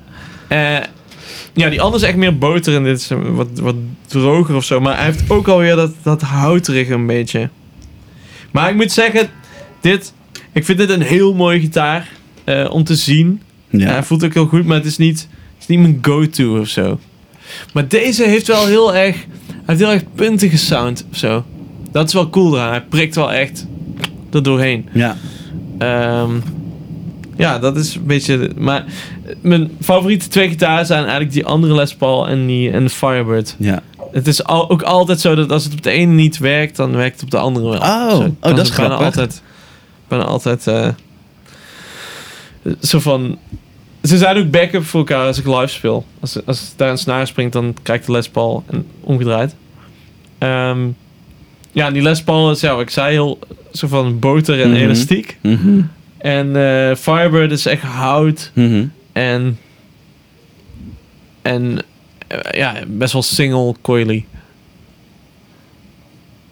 En. Maar mijn best klinkende gitaar eigenlijk is. eh, ik heb zo'n ES, die ligt hier ook. Oh. Een ES 320 TD, dat is een super raar ding. Het is eigenlijk de Melody Maker versie van de ES. Ja. Dus hij heeft ook twee single coils. En het ziet er fucking weird uit. Eh, en eh, die komt uit 72 en die, ja, die klinkt echt fantastisch. Die heb ik op die, bij die Nonagon shows voor een paar nummers gebruikt. Ja. En eh, ja, die klinkt echt heel mooi. Maar die speelt dan weer niet fijn. Oh. Die heeft een super dunne hals. Oh ja. Dat, echt ja. extreem. ja. En eh, hij heeft ook een paar dode punten op de hals. Oh. Maar qua, puur qua klank. Als je, als je volume een beetje terugdraait en Oh, een akkoord aanslaat, dat is echt heel mooi. Cool. Ja. Cool. Oké, vet. En, en de- dan heb je nog de deze Gibson LG3. Ja, Dat is LG2 akoestische- is het. Oh, 2. Huh? Uit oh, ik eh, dacht- oké. 1948. oh, wauw. Ja dit, is, ja, dit is ook een van mijn favoriete gitaren. Misschien Wat wel. vet, joh. Eh, ja, die drie samen eigenlijk. De Les Paul, de. Firebird en die akoestische. Die akoestische die heb ik nu twee jaar, denk ik. Hm. En ehm, hij komt dus uit 48. Hij is gerestaureerd. We speelden Next of Kin shows met eh, Tim Knol ook. En die zei eh, van, ben je al eens bij Spruce Guitars geweest in Utrecht? En ik woon al best wel lang in Utrecht, maar Ja. ik had er nooit van gehoord. Dus ben ik meteen na dat weekend ben ik naar Spruce Guitars geweest. En die, dit is dus een gast hier in Utrecht. eh, bij de molen zit hij. En die heeft echt een super klein atelier. Helemaal vol met oude gitaren, akoestische gitaren uit de jaren 10, 20, 30, 40, Ja, 50, eigenlijk 60. elk decennium Ja, inderdaad. echt insane. Echt zo mooi. En er hing dus deze LG2 en ik was eigenlijk meteen verliefd toen ik hem zag. En toen speelde ik erop en dacht ik, oh my god, dit is gewoon de fucking dream. Wauw. Ik vind het echt een prachtige gitaar en het is ook echt... Ja, sommige gitaren hebben dat gewoon. Eh, sommige akoestische gitaren, dat, dat elke keer... Er was een tijd, nu niet meer, want ik heb nu al te lang of zo, maar er was een tijd dat elke keer als ik hem oppakte dat er een nummer uitkwam. Echt? Ja, Wow. want ik sloeg gewoon een akkoord aan en dan was het... Het klonk zo mooi. Maar meteen en- geïnspireerd. ja, dat er meteen iets uit volgde. Altijd wel een...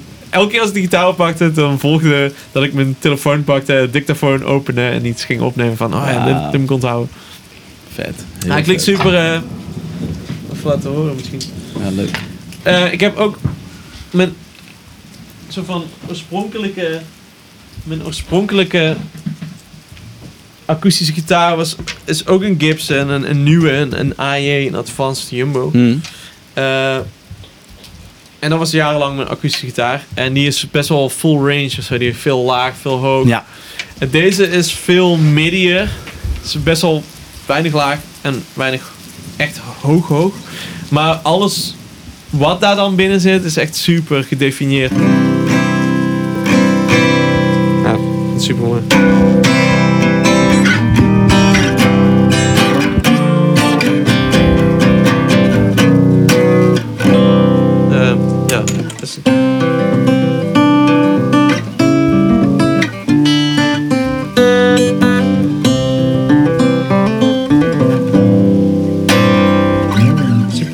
Fingerpicking gitaar. Heel erg mooi.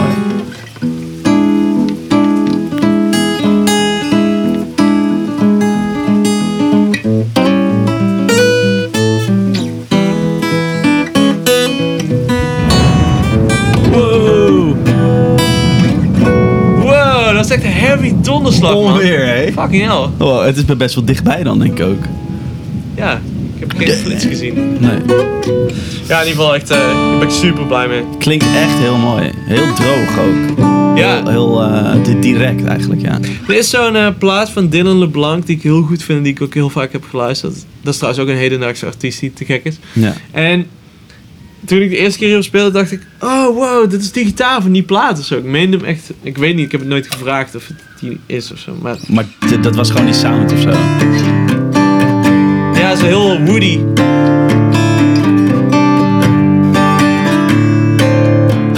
Ik moet wel zeggen trouwens, ik gebruik nu zo'n hele dikke plek, maar hij klinkt beter met een... eh, Ja, met een, een dunne. Juist. Dat maakt echt super veel verschil.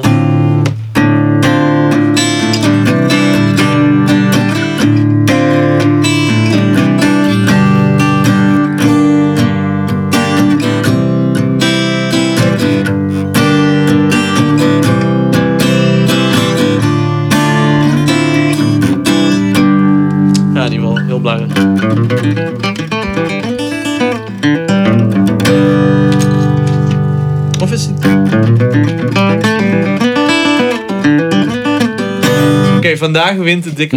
Witte dikke.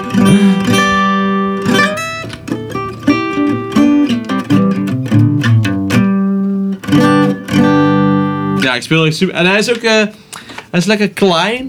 En licht natuurlijk. Ja. Eh, dus het, ik weet niet, er is iets aan deze gitaar wat er voor... Ik heb deze altijd thuis staan en ik, ik pak hem elke keer als ik er langs loop, pak ik hem open en speel ik Ja, even een beetje mooi. En eh, bijvoorbeeld die Advancium, die is, ja, die is groter en zwaarder of zo. En, Ja. en die klinkt gewoon ja, niet zo goed als deze. Nee, ja. Het heeft volgens mij ook heel erg eh, te maken met... ehm, deze is leather braced. Ja. Dus er zitten van, die- ja, van die rechte eh, Ja. stukken in. En die, volgens mij bijna alle moderne gitaren zijn X-braced. En dat zorgt voor meer stevigheid volgens mij. Maar ja. heeft ook wel grote invloed op het geluid. Het heeft een andere sound of zo. Ja. Ja. Ja. Wat nieuwer. Zo. ja.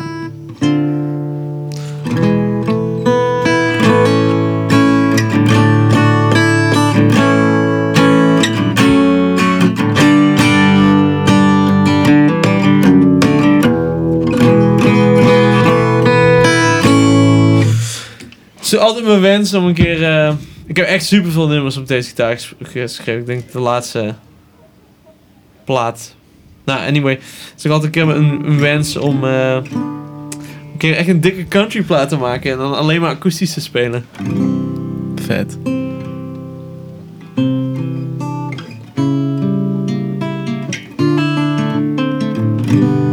Ik ben dus met, ehm, met Theo Lawrence eh, wat dingetjes het schrijven. Dat is leuk. Hij heeft dan een, eh, hij heeft dan een, een refrein had hij gemaakt. Ehm, het heet eh, Too Late to Cry. Dat vond ik wel vet. Ik vond het wel vet zin. Ik dacht, oh, wat, wat, je kunt er van alles mee doen, Ja, weet ja, je wel. ja. Ehm, eerst dacht ik natuurlijk aan van...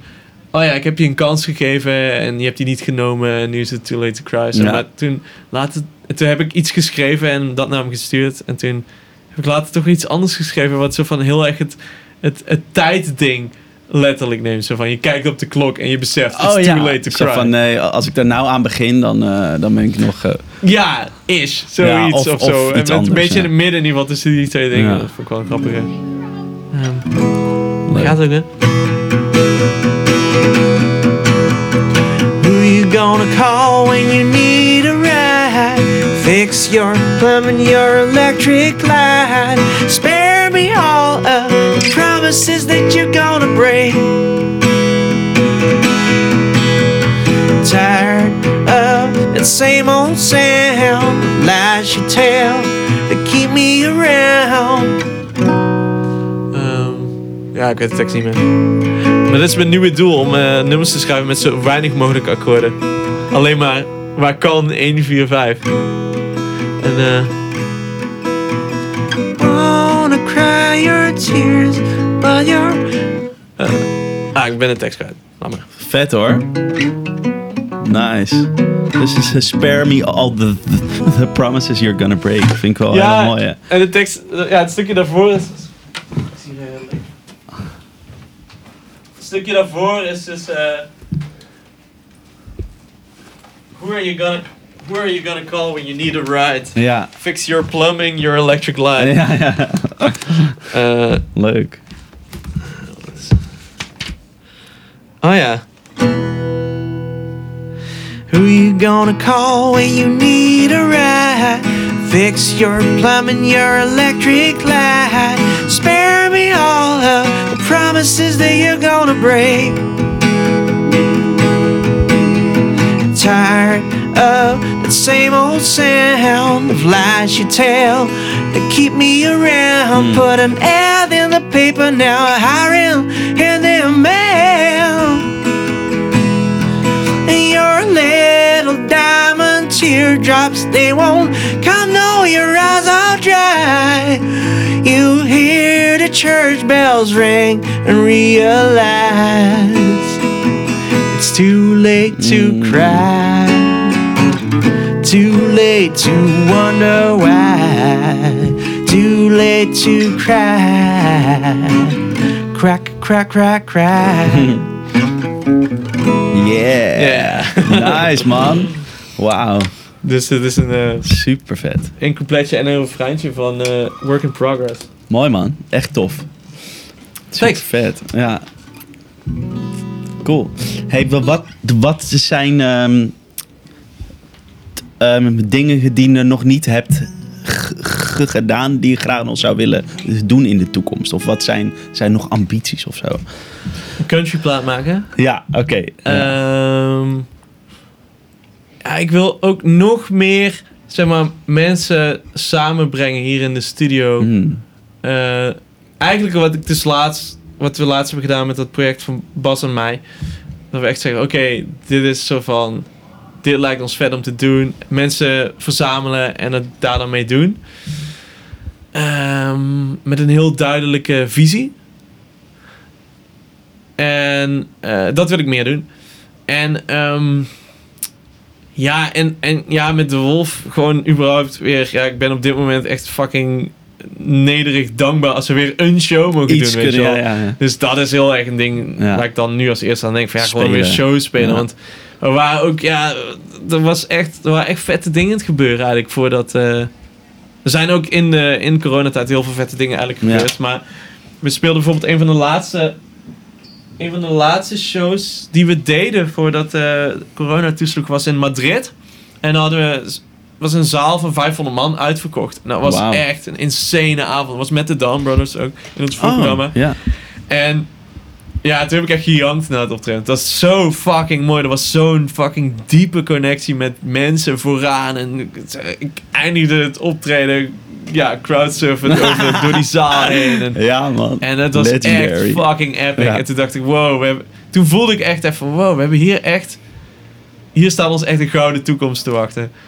En, ehm, Spanje, man. maar nu zijn we er zo lang niet geweest, voelt het in ieder geval. Ja, ja maar, maar die, die, de, die mensen zijn er echt nog wel straks. Ja, dat denk ik ook al. Maar goed, ik, ik, ja, nee, vet man.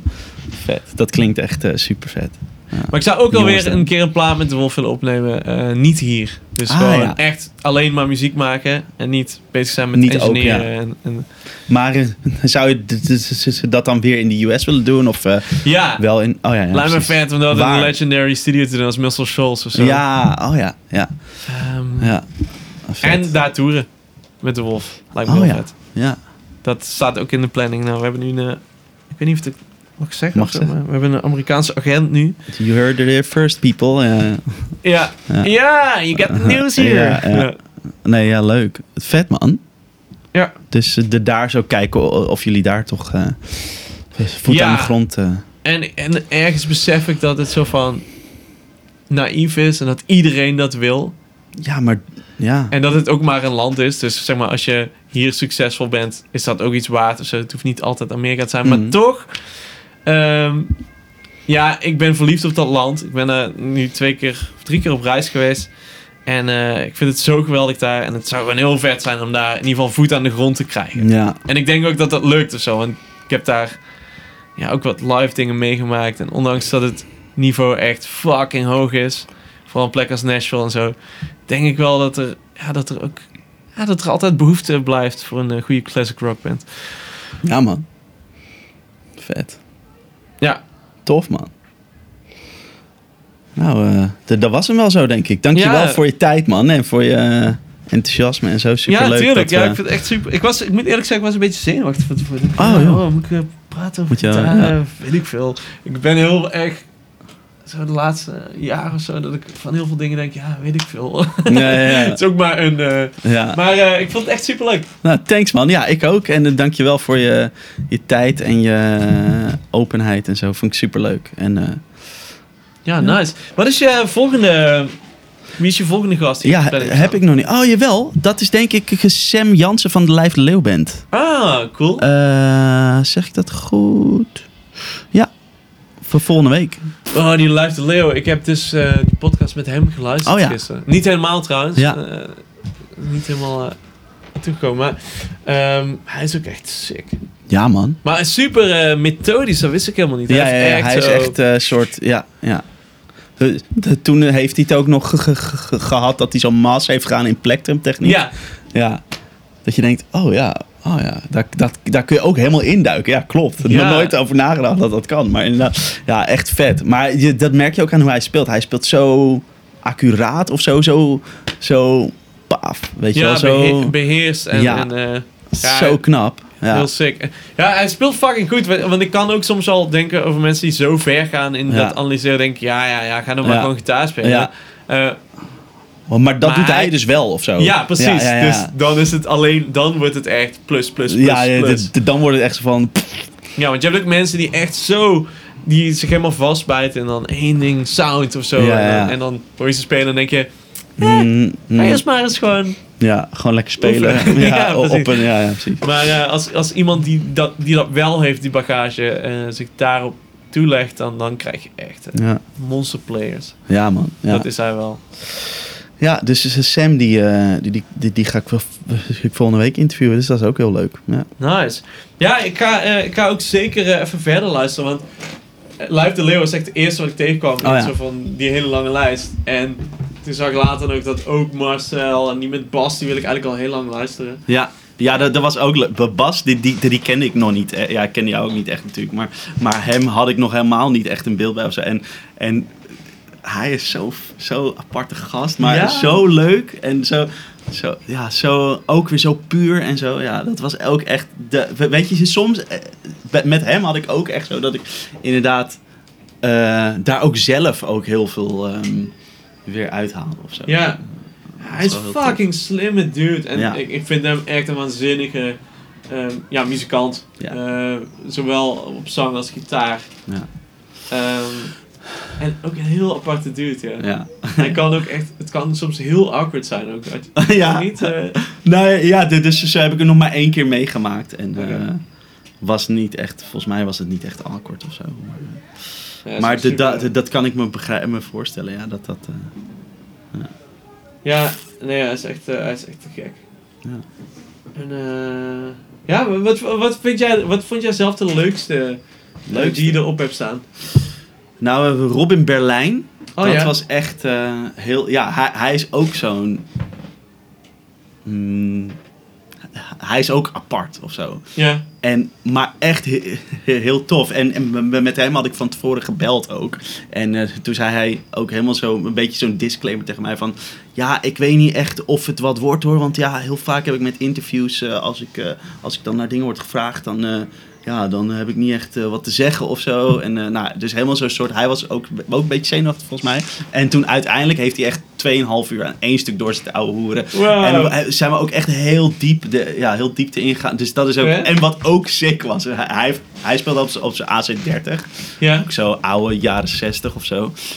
Maar altijd fucking tering hard. En, en, Ja. de- en toen was ik dus bij hem in Amsterdam in zijn studio. En dat is qua grootte van de ruimte ongeveer net als bij jou hier. Ja. En eh, ja, daar stond die amp dus gewoon op 10. Of eh, nou, misschien niet op 10, maar gewoon fucking hard. En dus daar, daar, zo zat, die amp stond zeg maar hier. Dus echt zo, nou, voor de mensen die de- echt, echt zo, niet eens een meter afstand of zo. En dat was echt zo, en dat was, ja, dat was gewoon heel vet. Maar, maar goed, ja, ik heb niet heel veel Oh, ervaring wow. met keiharde amps. Maar jij doet dat natuurlijk altijd. Maar eh, dus voor mij was dat best wel, best wel een soort ervaring. Maar het is, oh, maar als je dat, als je dat zelf speelt, zo'n harde amp, dat heeft, geeft, doet wel echt iets. Ja, het man, is echt een soort van, eh, dat is wel echt zo'n, zo'n gevoel wat, wat weinig dingen kunnen vervangen. dat je, Dat je zelf ook die controle hebt over dat lawaai. Ja. Ik heb ook het idee dat ik zo van niet echt doof ben. Ja. En dat ik... Of ja, dat is natuurlijk bullshit, maar... Als je dus zelf controle hebt over dat lawaai... En, en je weet precies wanneer het gaat komen en wanneer het stopt en Ja, shit, dan is het... dan, ja, dan bereidt je hoofd en je oren Ja. zich daar misschien een beetje op voor. Of zo. Dus dat is heel anders als dan als iemand anders dat doet, dan zit je de hele tijd zo met je ogen te knipperen zo. Ja, ja. Want het zo hard is. Ja. Nee man, ik had vroeger... eh, ik had een tijd dat ik 200 watt amps op het podium staan. Dat, eh, dat Oh. lijkt wel echt heel lang Wat had je dan? Zo'n major niks- of zo? Nee, een, eh, Oh. een Plexi Oh. en een Fender Super 6. oh, dus bij elkaar. Ja, check. Ja, ja, ja. Oh, zo nee, nee, niet één 200 ik dacht eh, 200, ja twee- precies. Maar dus twee stuk. 200. Ja, Ja, precies. maar ja, kan ik me niks meer bij voorstellen nu, want ik heb dus nu al met die 15 watt matches dat nee, is dat vindt. Ja. Dus, eh, dat was vroeger. Kon dat nog. Ja, ja, ja. Ja, vet man. Ik ga even pissen. Ja, thanks. Zo, dat was hem weer. De The Guitar Express podcast released om de week op maandag een verse aflevering. Dus houd je socials in de gaten. Ben je nou benieuwd naar het beeld bij het woord? Op de website en de Instagram en Facebook staan foto's van de gear van alle gasten. Dus volg ons op The Guitar Express podcast op Instagram en Facebook. Of check de site www.theguitarexpress.com slash podcast. Thanks voor het luisteren en tot de volgende.